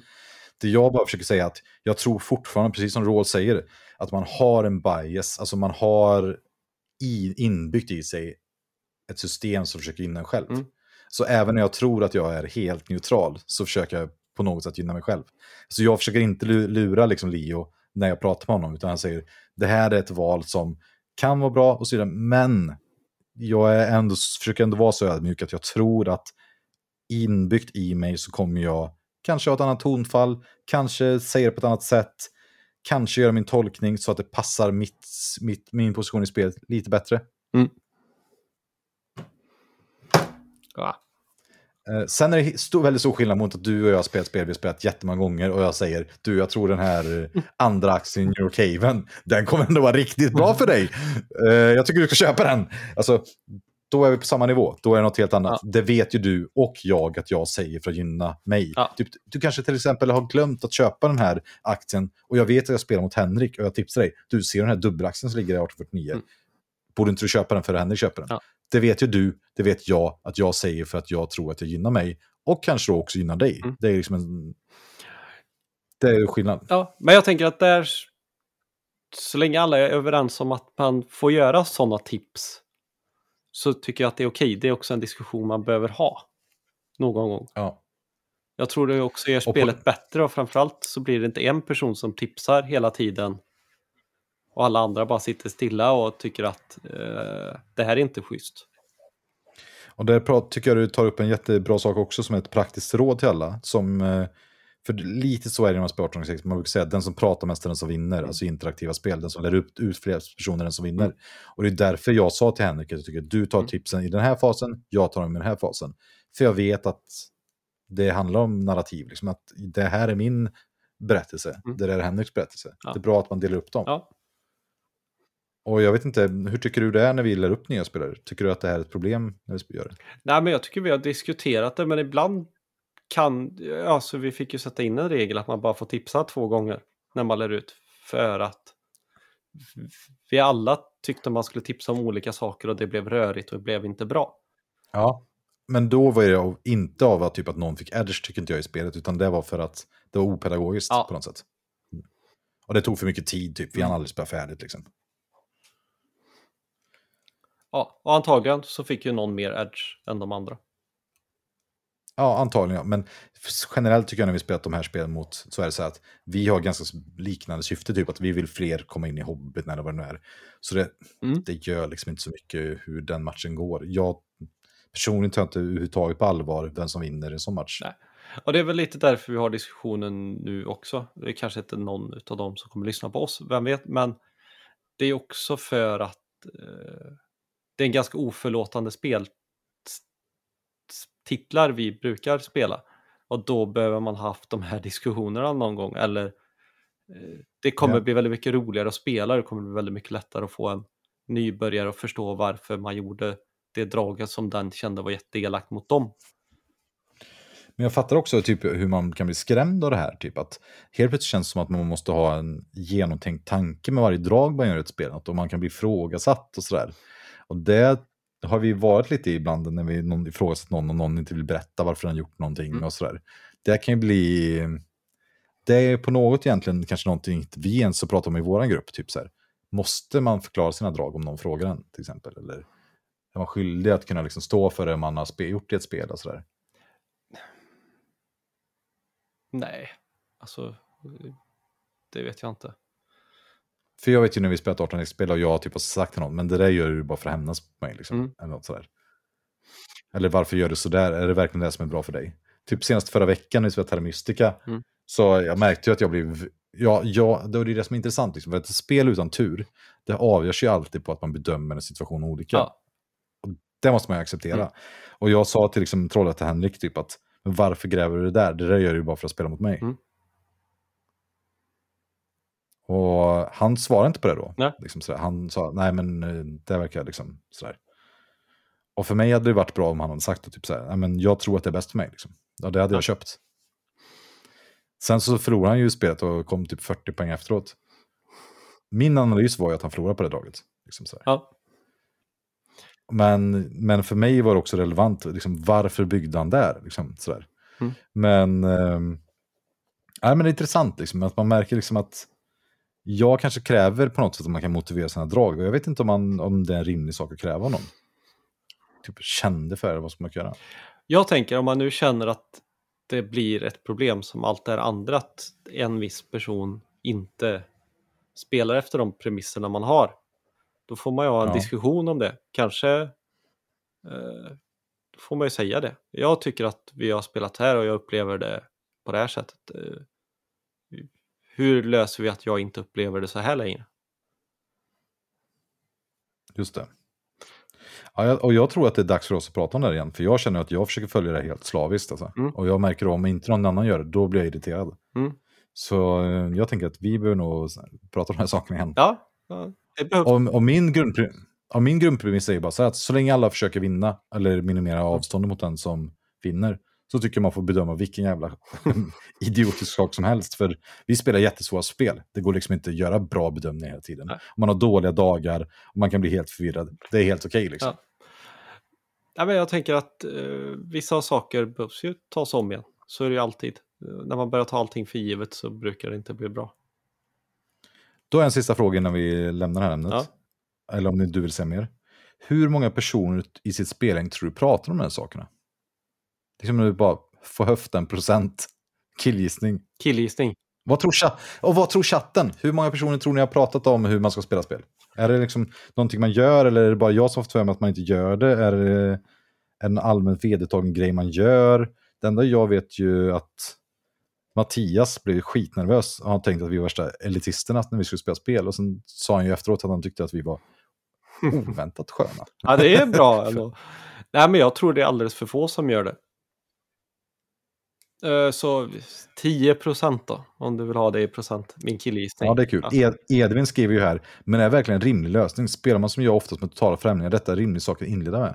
Jag har ju när jag spelat på online partner 6 typ statat så här, jag följer J.C. Lawrence tanke om att om man kan gå i konkurs och tro att det är det som minimerar ledningen till olika vinnare, jag typ inte ens vet om det är J.C. Lawrence quote, det är min egen fritolkning av hans forumsvar. Mm. Och sen är det någon person som har typ satt mig i en skitdålig position. Jag bara pang, går i konkurs andra rundan i spelet och bara folk lackar ur. Mm. Men eh, ja, jag tycker väl det är rimligt att säga så här, typ att jag tycker att vi spelar för att vinna. Jag tycker det är genom att inte maximera poäng utan att spela för position. Ja. Inte position, utan spela för att minimera avståndet till vinnaren. Ja. ja, jag tycker de andra etiska eller de andra fascistreglerna jag tillägger brukar jag också säga när nya människor kommer in i mitt spel. Eller när jag börjat ja. Eh, spela med nytt spel. Vi brukar spela så här. Ska- Hur tänker ni kring det? Vi vi har lärt oss att det flyter på bättre. Bara. Skulle man inte kunna tänka att det här är typ som en dejt då? Typ? Att första dejten då är det så här, man träffas, tittar på varandra, dricker kaffe, dricker öl. Mm. Och sen, kan, och man kanske råkar ligga med varandra. Mm. Men andra gången, då måste man ändå börja fundera så här. Men du, ska vi ses hemma hos mig eller dig? Vad är grejen? Hur, Ja. Vilka regler kör vi med liksom? Ja. Jo, lite så. Eh, Jag tycker oftast att det är lättare att ta saker direkt. Eh, Så. Det här gillar jag, det här gillar jag inte. Hur ska vi göra? Du är liksom för att skicka ut kontaktannonser med tio punkter. Att vi ska göra på de här tio sätten. Det är spela för vinna, spela 18xx, ha mobiltelefonen någon tänker för länge, bla bla bla. Nej, men jag tänker, vill ta de tre viktigaste sakerna för dig. Det är väl en ganska gyllene grej så här. Eh, För mig, hur, för dig kommer det definitivt vara som du har sagt, du postar, jag spelar efter de här premisserna. Eh, För mig kanske det är eh, de andra, alltså man får ett ångningsdrag och det andra. Spelar man live då går det inte att ångra, eller spelar man på nätet går det inte ändå. För jag tänker att det gör att det flyter på bättre och sådär. Sen kanske man inte det- behöver vara den största fascisten första gången man spelar. Man kan ju bli mer och mer påpekande desto längre tiden går. Och sen kanske inte spelgänget köper det. Då får man ju leva med det. Jag, jag får bara så här minne av, som jag egentligen inte ska dra upp nu, för vi går vidare, men typ att när jag förstår i en match att jag har förlorat Mm. och jag förstår att gruppen vill att jag ska bara maximera poäng och jag bara checkar ut liksom. Mm. Jag så bara checkar ut och bara, ja, jag får bara acceptera att de här verkar gilla att ha poäng. Jag bara skaff, sitter och skaffar poäng. Ja, och ibland får man faktiskt göra saker för andra sen sin egen skull, Erik. Ja, Ja. ja. men precis. Och det, och det måste ju anses som rätt liksom. Ja. Jag tänker det. Och ibland spelar man ju spel för att det är trevligare att träffa människor än att spela spelet. Och ibland spelar man ju spel för att det är trevligare att träffa andra människor. Ja, håller med. Så, med det sagt så har vi inte så mycket mer att tillägga utan korta summeringar. Prata med varandra, diskutera hur man ska göra. Försök hitta, tänka vad innebär skillnaderna mellan det vi säger? Är det verkligen samma sak vi pratar om? Som du säger, de flesta bråk innebär att man tror att man eh, är överens men man inte är det. Ja. Jag tror det är ju att man tror att man är överens. Kingmaking finns inte helt enkelt, är vårt sätt att se på det. Nej, då har man ju inte pratat om det före. Nej. Nej. Och om Kingmaking skulle, alltså att någon person måste välja vem du ska göra mot, så ja, då får den bedöma läget. Hur, på vilket sätt minimerar den mot den som leder? Skulle det vara lika, då spelar det lika. Ja. Det är inte svårare än så. Precis. Definiera Kingmaking, det har vi gjort i en annan episod, kommer upp mer, säger de i chatten. Ja. Vi hinner inte med det idag, för nu ska vi prata om vårt veckans recensionsspel.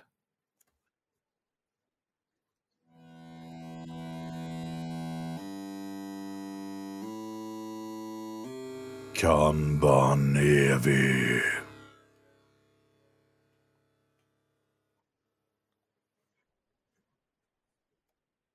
Ja, men jag kort presenterar spelet. Det är ju Kanban EV som från början hette Kanban Driver Edition. Som är Vitala Cedas spel från 97, 2014. Mm. jag var inne i ett annat spel. Nej, men det är från 2014, det är Vitala Seda som gjorde det här. Det var Stronghold som släppte första versionen och sen så reprintades det av Eagle Griffin spel och kom ut nu förra året. Mm. Vi köpte det som vårt första spel till podden Mm. och har nu spelat det några gånger.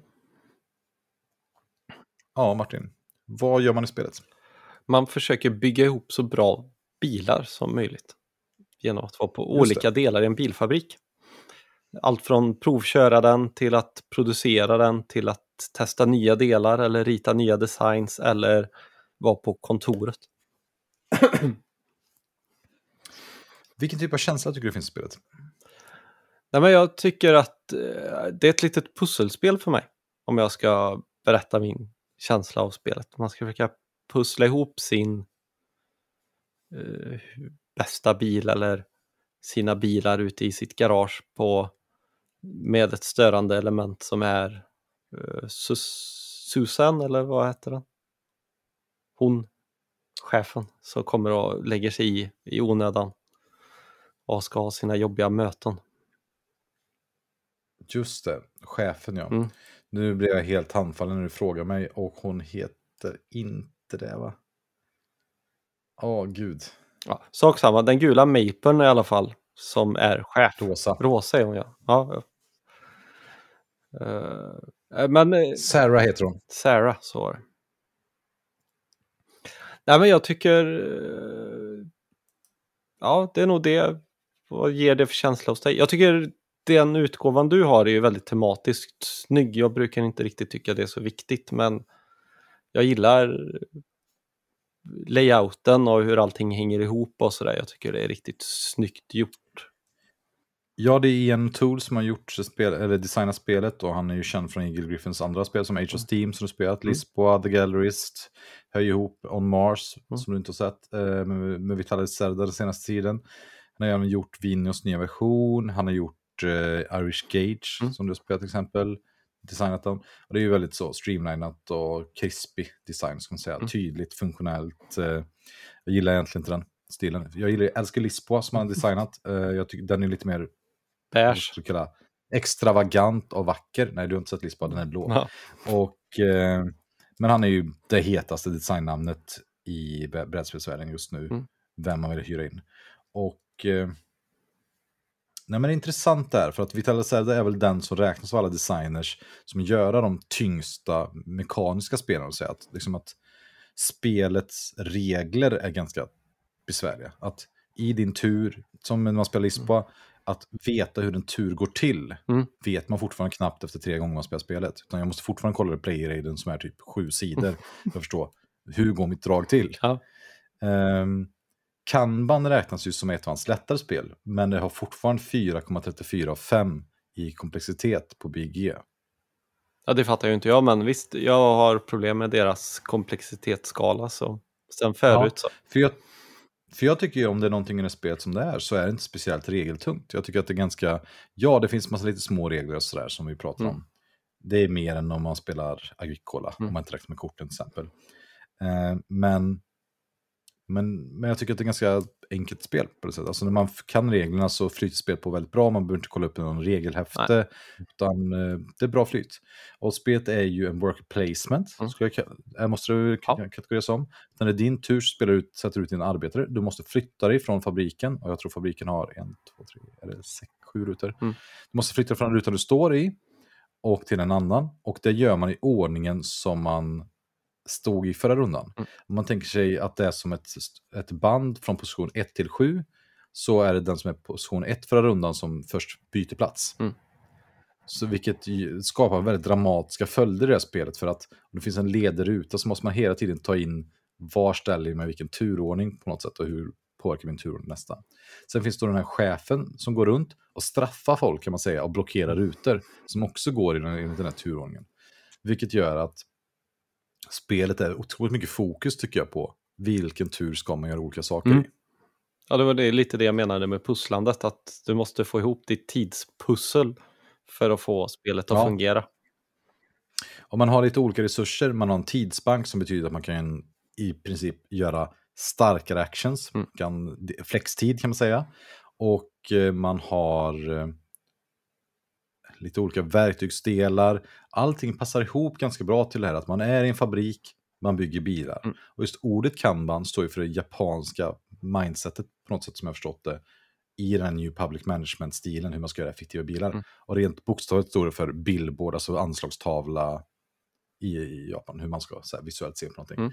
Och Vitale Serda är ju generellt ansedd att göra simuleringar, att försöka fundera hur går det till i en bilfabrik, eller hur, vilka principer finns det? Och vilka principer finns det i ett galleri till exempel, i konstvärlden eller i hur man bygger upp en stad. Alltså vilka incitament finns det där? Eh, Vi får tipsa att det finns olika, fem olika departments man ställer sin worker i. Plus den extra kontoret. Ja, Mm. det spelar lite ovidkommande här. Jag ska försöka komma på vilka de är. Men, men just att det här är tänkt att simulera arbetet i en fabrik i, enligt den här management-stilen. Då. Mm. Tycker du att liksom själva temat hjälper dig när du försöker förstå det här spelet och spela det? Ja, det tycker jag allt. Ja, jag tycker att det fungerar bra i alla fall, eh, rent ur... eh, förstå konceptet liksom att vissa saker Ja, men jag gillar det. Jag får det till att gå ihop i mitt huvud. Eh, med att chefen kommer, när den kommer, varför den gör som det gör. Det liksom flyter på naturligt för mig. Och sen är det som, precis som Henrik säger, att det finns fem stycken olika platser att ställa sina workers på. Och så finns det två platser på varje ställe. Mm. Och det är department som kallar och, och det är ju att testköra bilar, det är att uh, bygga bilar, det är att fixa delar, att typ researcha, alltså uppfinna olika videoutveckling och skaffa fram ritningar. Mm. Och det sista typ är ju kontoret. kontoret. Ja. Och det är, nej men jag, jag spontant så känner jag att när jag pratar med mina civilingenjörskompisar som sitter på sådana olika, mm. olika delar på olika fabriker, så känner man ändå så här att ja, men det här låter ju som att det har faktiskt lite verklighetsanknytning i det här spelet. Mm. Och jag vet inte.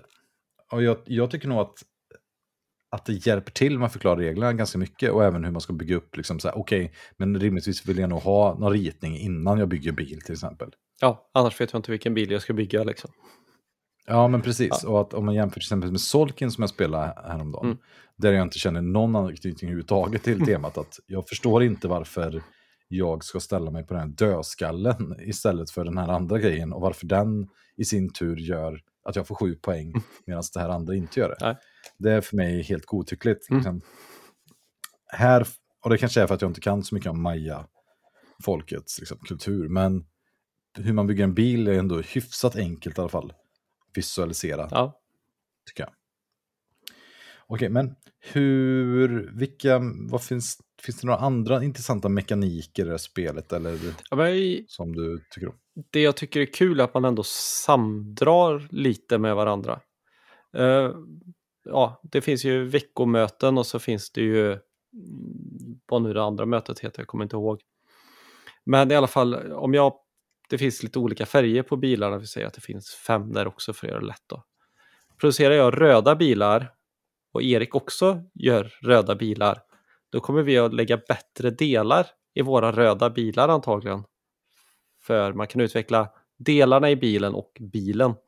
Och då får jag poäng för varje röd bil jag har och för vad de har för delar i sig. Så det finns en väldigt nytta att producera samma bilar ihop till en viss gräns. För producerar vi exakt lika många bilar ihop då får vi lika många poäng och det är ju inte bra. Så man vill ju edga sig någonstans ändå. Men den samdraget att eh, ja, men nu har Erik lagt jättemycket på röda bilar, då kan jag ta en röd bil här så att jag inte halkar efter allt för mycket och så blir det ganska billigt för mig, men jag får inte lika mycket poäng som du får. Det tycker jag. Ja, men det är jag tycker det är intressant. Och just det här du är inne med de olika mötena, att spelet slutar ju när det varit fem möten totalt som jag minns det. Mm. Och att det beror lite på att man kan manipulera det, för att det beror på när Sarah går in i möteslokalen, mm. eller beroende på vad man gör för andra actions. Så det är ett sånt här spel som man kan påverka spellängden i spelet, som Terraform Mars som vi pratade innan, ja. eller Dominion. Och jag uppskattar det här spelet för att det, det liksom, finns en, liksom, en spänning i det. Vill man att det ska gå långt kan jag på något sätt pusha in henne i det mötet. Mm. Och sådär, det, ja, men uppskattar det mycket faktiskt. Och jag tycker generellt så trodde jag att det skulle vara mycket rörigare, rör, rörigare det här spelet än vad det var. För jag, mm. jag har spelat Lisp The Galleries innan. Ja. Och det var ju svårt. Det här tycker jag är det svåra i spelet är besluten. Alltså vilken turordning ska spela, hur ska jag blocka, hur ska jag göra? Ja. Och det är ganska många olika delar man måste hålla i ordning på. Typ så här. Men okej, nu blir jag straffad på grund av det här och det här och det här, för jag inte tänkte tre gånger ja, tur i förväg. För att mellanchefen kommer att straffa mig här och här och här. ja, du hade ju en hemsk första omgång. Du blev straffad fyra gånger, fem gånger på rad och fick 20 ja. minuspoäng eller någonting. Var tvungen att kolla upp den roliga regeln. Går det ha färre poäng än noll? Man börjar på typ 15 eller 20 eller någonting. Mm. Ja. riktigt, riktigt gött alltså. Men, ja, vad... Och för den här designen med det nya brädet, för jag har ju kollat på den gamla versionen, den är ju otroligt rörig gentemot den nya versionen. Den, den ser helt vansinnig ut, men när man väl spelar spelbrädet tycker jag att Ian O'Toole har verkligen lyckats designa en, ett bräde som man förstår på något sätt. Alltså spelet ja. blir bättre av den här designen tycker jag. Och allting är väldigt, alltså någon gång har jag kollat upp eh, som några andra kompisar brukar kalla det, Magic Last någonting. så här, försökt tolka regelboken ut efter ditt eget syfte. Men om du hade ansträngt dig en gång till att titta på brädet så hade du insett att det inte var som du ville att det skulle vara. Mm. Till exempel två lika bilar är det att jag behöver ha en bil och så får man kolla upp det i regelboken men det är egentligen jättetydligt när du tittar på vad du brukar kalla ikonografin. Ikonografin, ja, den är ju men jag håller med om att man har någon sån här önsketänkande men det är typ alltid fel. Ja. jag har ju på den stream har jag lagt upp en bild på det här brädet och det, ja, men det är väldigt eh, men det är väldigt tydligt. Mm. Det sen tar ju spelet ganska lång tid att, sätt, att plocka upp för att det är massa olika delar. Det är en deluxe-utgåva på något sätt från Eagle Griffin. Och det är en insert. Det är som jag tycker, insert är ju liksom en bluff. Det tar ju fortfarande hundra år att sätta upp, hundra år att plocka ner. Man kan ju gärna bara skjuta ner allting i lådan egentligen. Ja, det vet jag att du tycker det. Dålig insert är ju, är ju inte alltid så att det faktiskt hjälper. Hur tycker du är liksom spänningen i spelet? Känner du dig hårt pressad av spelet där, eller hur? Jag har ju vunnit varje gång så... Men jag har faktiskt Jo, jag tänker- ja, jag har fått tänker- anstränga mig för att vinna. Jag har inte, jag har inte känt att jag har varit ledande position de gånger jag har spelat det. Ja, men om vi säger så här, Marco Polo, det där har du inte spelat, men Agricola, hårpress i spelet håller på att dö. Caverna lite friare, du blir pressad då att du vill få maxpoäng. Här är lite mer är ganska öppet liksom? Det tycker jag. Det är inte att jag tror att jag kommer förlora, men det finns några sådana drag eh, när hon kommer och så här, måste jag offra en halv tur på att lösa de här sakerna? Hur många minuspoäng kan jag ta utan att förlora spelet? För chefen går runt kan man säga som så att om den landar på det departement, departmentet, eller vad kallas den avdelningen på jobbet som man står på. Mm. Eller, hon testar alla där och hon går i turordning och i varje avdelning så man kan säga att den övre action är två tredjedels action. Den undre delen är tre tredjedels, eller ja, en hel action. Så du vill alltid ställa den undre. Men problemet är att om chefen kommer för, äh, före dig på avdelningen så går det, när man väl aktiverar actionsen sen så kommer hon aktiveras först. Ja, jag vet. Så då kommer någon testa dig på den avdelningen innan du hinner liksom, göra den actionen. Och sen får du massa minuspoäng beroende på hur mycket flex eller lite flex du har Ja. och hur du är på den avdelningen. Så det är hela tiden, precis som Martin säger, den där avvägningen med okej, jag måste försöka lösa den här skiten som jag egentligen inte vill göra just nu i spelet. Men annars förlorar jag typ fyra vinstpoäng varje gång. Mm. Ja, där kan jag inte spelet tillräckligt bra, så det, ibland kanske det är bara värt att förlora fyra vinstpoäng för att jag kommer kunna göra någonting som är så mycket bättre. Och så långt har jag inte förstått spelet än. Nej, men så är det ju. Eh, tycker du att spelet, för jag tycker spelet är rätt tajt, alltså här att det känns som att varje drag man gör i spelet spelar väldigt stor roll. Ja. Skulle jag ställa mig och liksom fåna iväg två drag så tror jag så här, men då har jag ju förlorat spelet rakt av. Ja, när vi har... Medan kanske, medan kanske i Caverna som vi pratade om, då kan jag liksom ställa mig och ta suboptimalt två sten eller en sten vid två tillfällen. Ja, jag kan fortfarande vinna det spelet. Ja.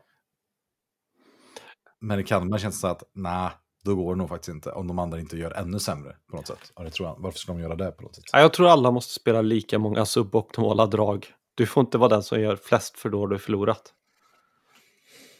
Ja, och just att det finns inte så stor chans att komma ikapp jättemycket i spelet. Utan det är hela tiden en ganska små poängsummor man får. Man klarar små uppdrag, då ger de 4-5 poäng. För det kommer ett sådant här möte, då får man spela ut, alla personer har kort på handen, får man spela ut ett kort.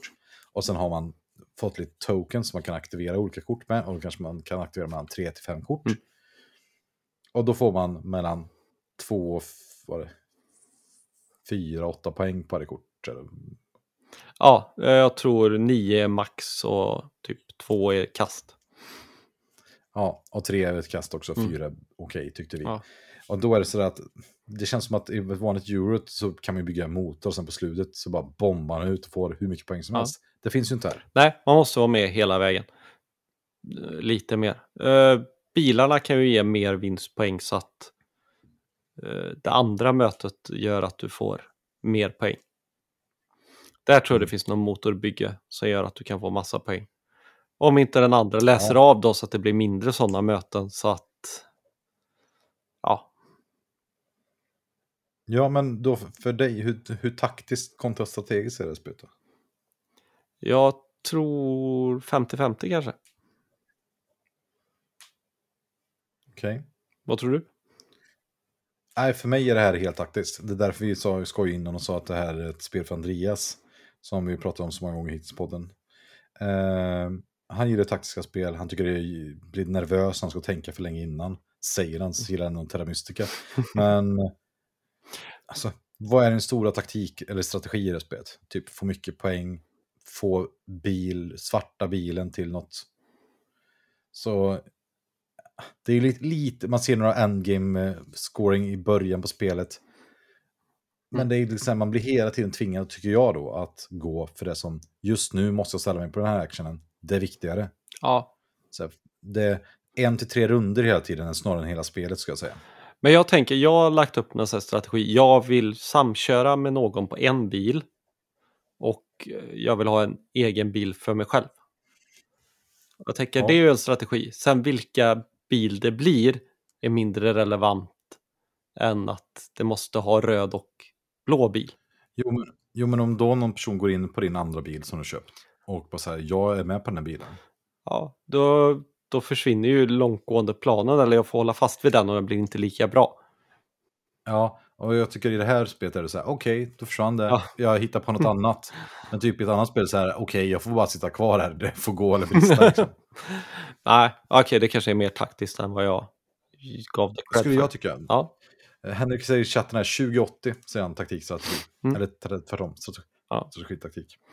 Det kan nog stämma. Men det tycker jag smakar, det beror ju på mm. vad man jämför med.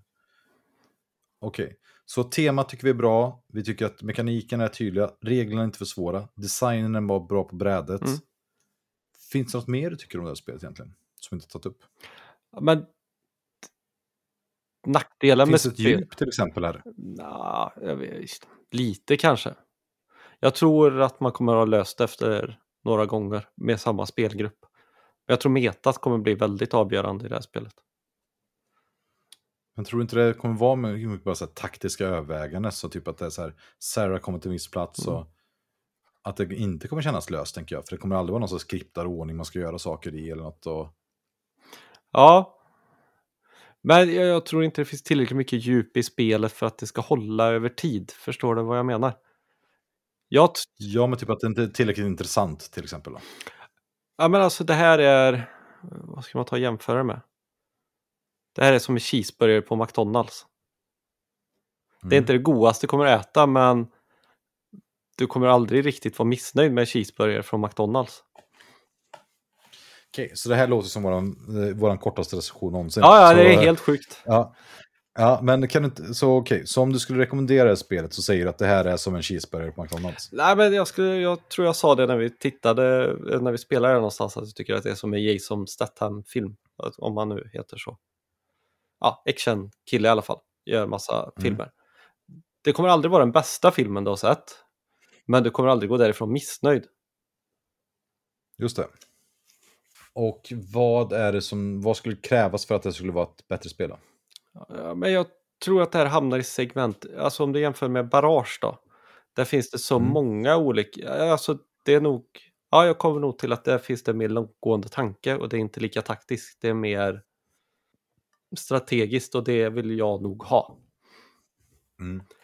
Men eh, random spelkväll, eh, vi har inte planerat vad vi ska spela innan klockrent spel.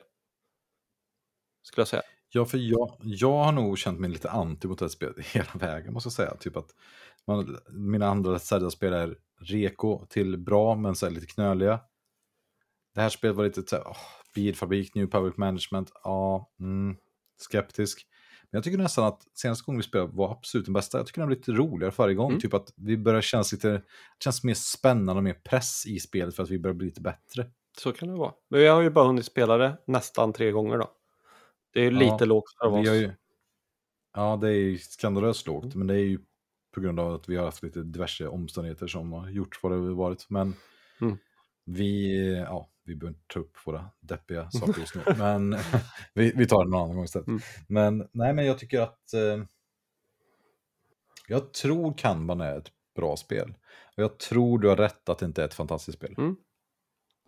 Och jag, för oss då, ja. eh, och, och framförallt för mig, för jag känner mig bättre än vad jag känner dig.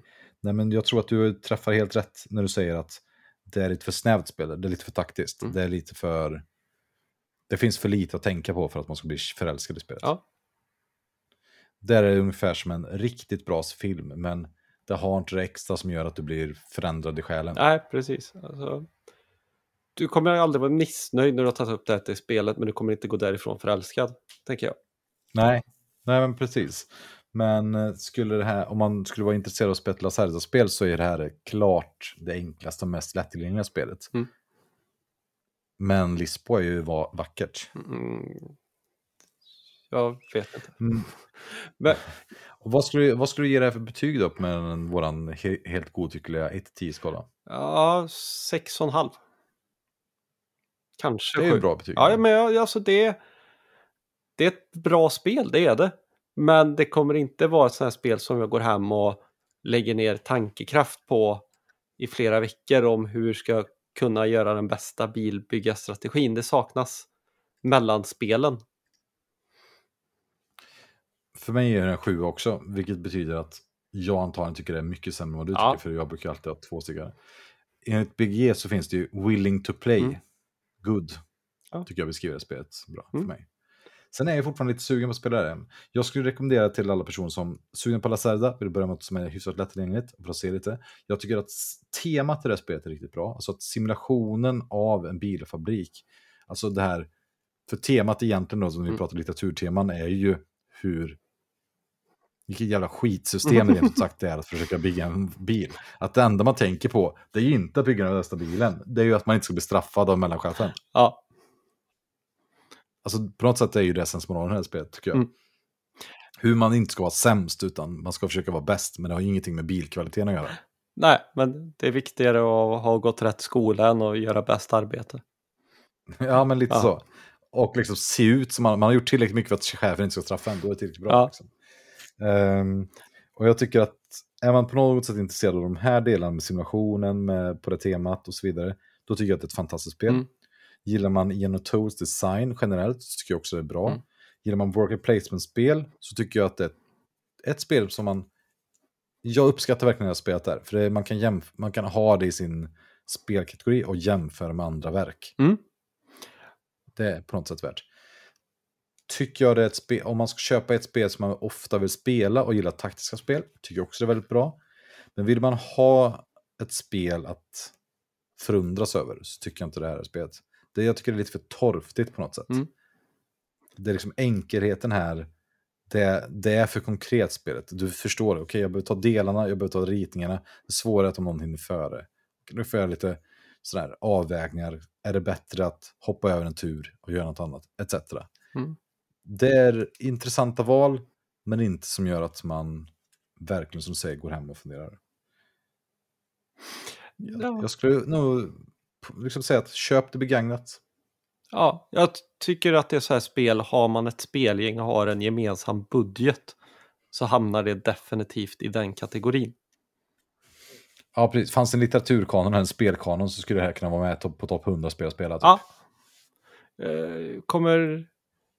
Och att det jobbigaste är setupen, det går att kolla på en video. Det finns sådana som förklarar hur man sätter upp det. Det är typ jobbigt första två gångerna. Tredje gången så gick det hur snabbt som helst. Det var ju inte alls krångligt. Uh, nej men alltså... Ja, Om du får jämföra med en annan worker placement som sista sak. Med Bass som du spelade. Som du bara spelat en gång då, men eller en, två. två. Ja, Vilket är du mest sugen på att spela igen? Bass, definitivt. Men eh, jag är en fanboy också av... Vad heter de? Eh, Splotter. Splotter, ja. Det, det får man ju erkänna. Men jag tänker om jag ska Ja. jämföra det här med andra spel som jag tänker hamna lite i samma känsla. Jag spelar ju hellre det här än Terraforming Mars.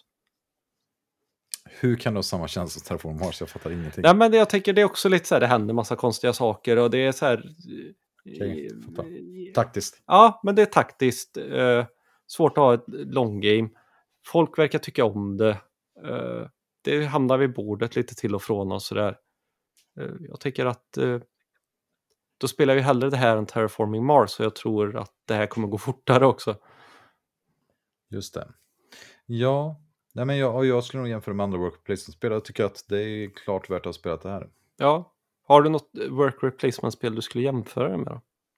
Nej, men jag tänker så här, jag tycker ju att det är mycket sämre än Caverna Agricola. Ehm, Det är ju favoritspel Mm. av Uwe Rosberg. Men samtidigt är det ju mycket bättre än många andra work replacement-spel jag har spelat. Jag tycker det är intressant med mekaniken med den här spel... spel Sa- Sarah som går runt och straffar folk. Ja, precis. Ja, Om man får välja mellan det här och Madrid så spelar jag ju det här varje gång. Alltså. Madeira. Ja, Madeira. Ja. Ja. Ja, jag ska inte säga mer om det. Eh, Mordecai säger det, jag skulle inte jämföra Kanban med Terraformars, en helt annan genre. Ja, jag håller med. Men samtidigt, jag håller också med om att båda spelen är taktiska. Det jag tänker är att båda spelen är spel som kan dyka upp på en spelkväll. Med, som skulle fungera bra på en Jo. spelkväll med människor som inte är där för att definitivt vinna. De är där för att ha trevligt. Alltså jag kan bara säga så här, om man pratar filterbubblor och algoritmer i världen och du säger att Kanban EV BGS Weight 4,34 tycker du är ett trevligt spel att dyka upp med på en spelkväll. Jag, jag, jag gillar det Martin, jag behöver, jag behöver inte säga mer än så, men jag tror inte det är allas erfarenhet av hur man dyker upp till en spelkväll. Nej, så kan det Men vara. absolut, hyfsat lättillgängligt jämfört med alla andra spel som är mycket svårare. Ja, men alltså Agricola var ju svårare att sätta upp första gången än vad det här skulle vara. Ja. Ja. Terraforming Mars kan vi inte prata om för det är ju sjukt mycket sidoregler som är ofantligt svårt att förstå sig på. Ja. Det man kan uppskatta är ju också med det här spelet är ju att det är ganska låg slump. Det finns ju slump i det spelet hur man drar sina kort och sådär. Mm. Men det känns inte... Eftersom alla kort är inte, inget kort är helt... Det är inte så att du får en teknologi som påverkar varje drag du gör i spelet, utan du får sex poäng istället för fyra, eller åtta poäng istället för sex. Ja, precis. Om du nu vill spela Så- ut det också. För det är ju inte säkert att det är bra för dig. Nej, men vilka andra kortdrag? eller Mm. så här. Nej, men det är intressant. Ja, men jag har inget mer att säga om det här. Jag tycker det är ett bra spel. Köp det om man är intresserad av taktiska worker placement-spel och tycker det är intressant. Mm. Eller man är intresserad av Lacerda eller bilfabriker. Tycker man inte det, hoppa över. Det är inget måste-spel där. Nej, definitivt inte. Vad ska vi spela nästa gång? Vad ska vi säga till nästa avsnitt? Ja, vi ska ju spela det du pratade om, Imperial. Imperial, ja, Mm. tror vi. Om vi får med personer. Ja, Ska vara intressant. vi är tre i alla fall. Har vi något annat? Vi är tre, minst. Kanske fyra. Ja. Vem, vem vet? Eh, Ja. jag tror inte vi har så mycket att säga till nästa gång. Nej, jag blir helt slut av den här etiska diskussionen med alla på chatten och sånt där. Ja, Om det är någon som tycker att det var kul att vi diskuterar på chatten samtidigt, hör av er, skriv om när det var. Blir det bara förvirrat och jättekonstigt, skriv det också. Vi läser all, alla ting som folk skriver till oss. Vi tackar för alla kommentarer Mm. Och ni är väldigt många som gett oss ö, återkoppling. Och vi har glömt att säga återkoppling för avsnittet som var jätteproblematiskt ur teknisk synpunkt. Att vi har haft flera olika tillfällen där folk har pratat eh, hur de mår med Mm. oss. Och det tyckte jag var ju kanske den bästa återkopplingen vi fått. Och jag kommer inte släppa in det Martin, för vi har pratat alldeles för länge. Avsnittet slut. Men du med det sagt så får du avslutande orden. Martin Johansson till nästa gång. Fridens. Tunga brädspelspodden. En samtalspodd mellan vänner om tunga, djupa brädspel.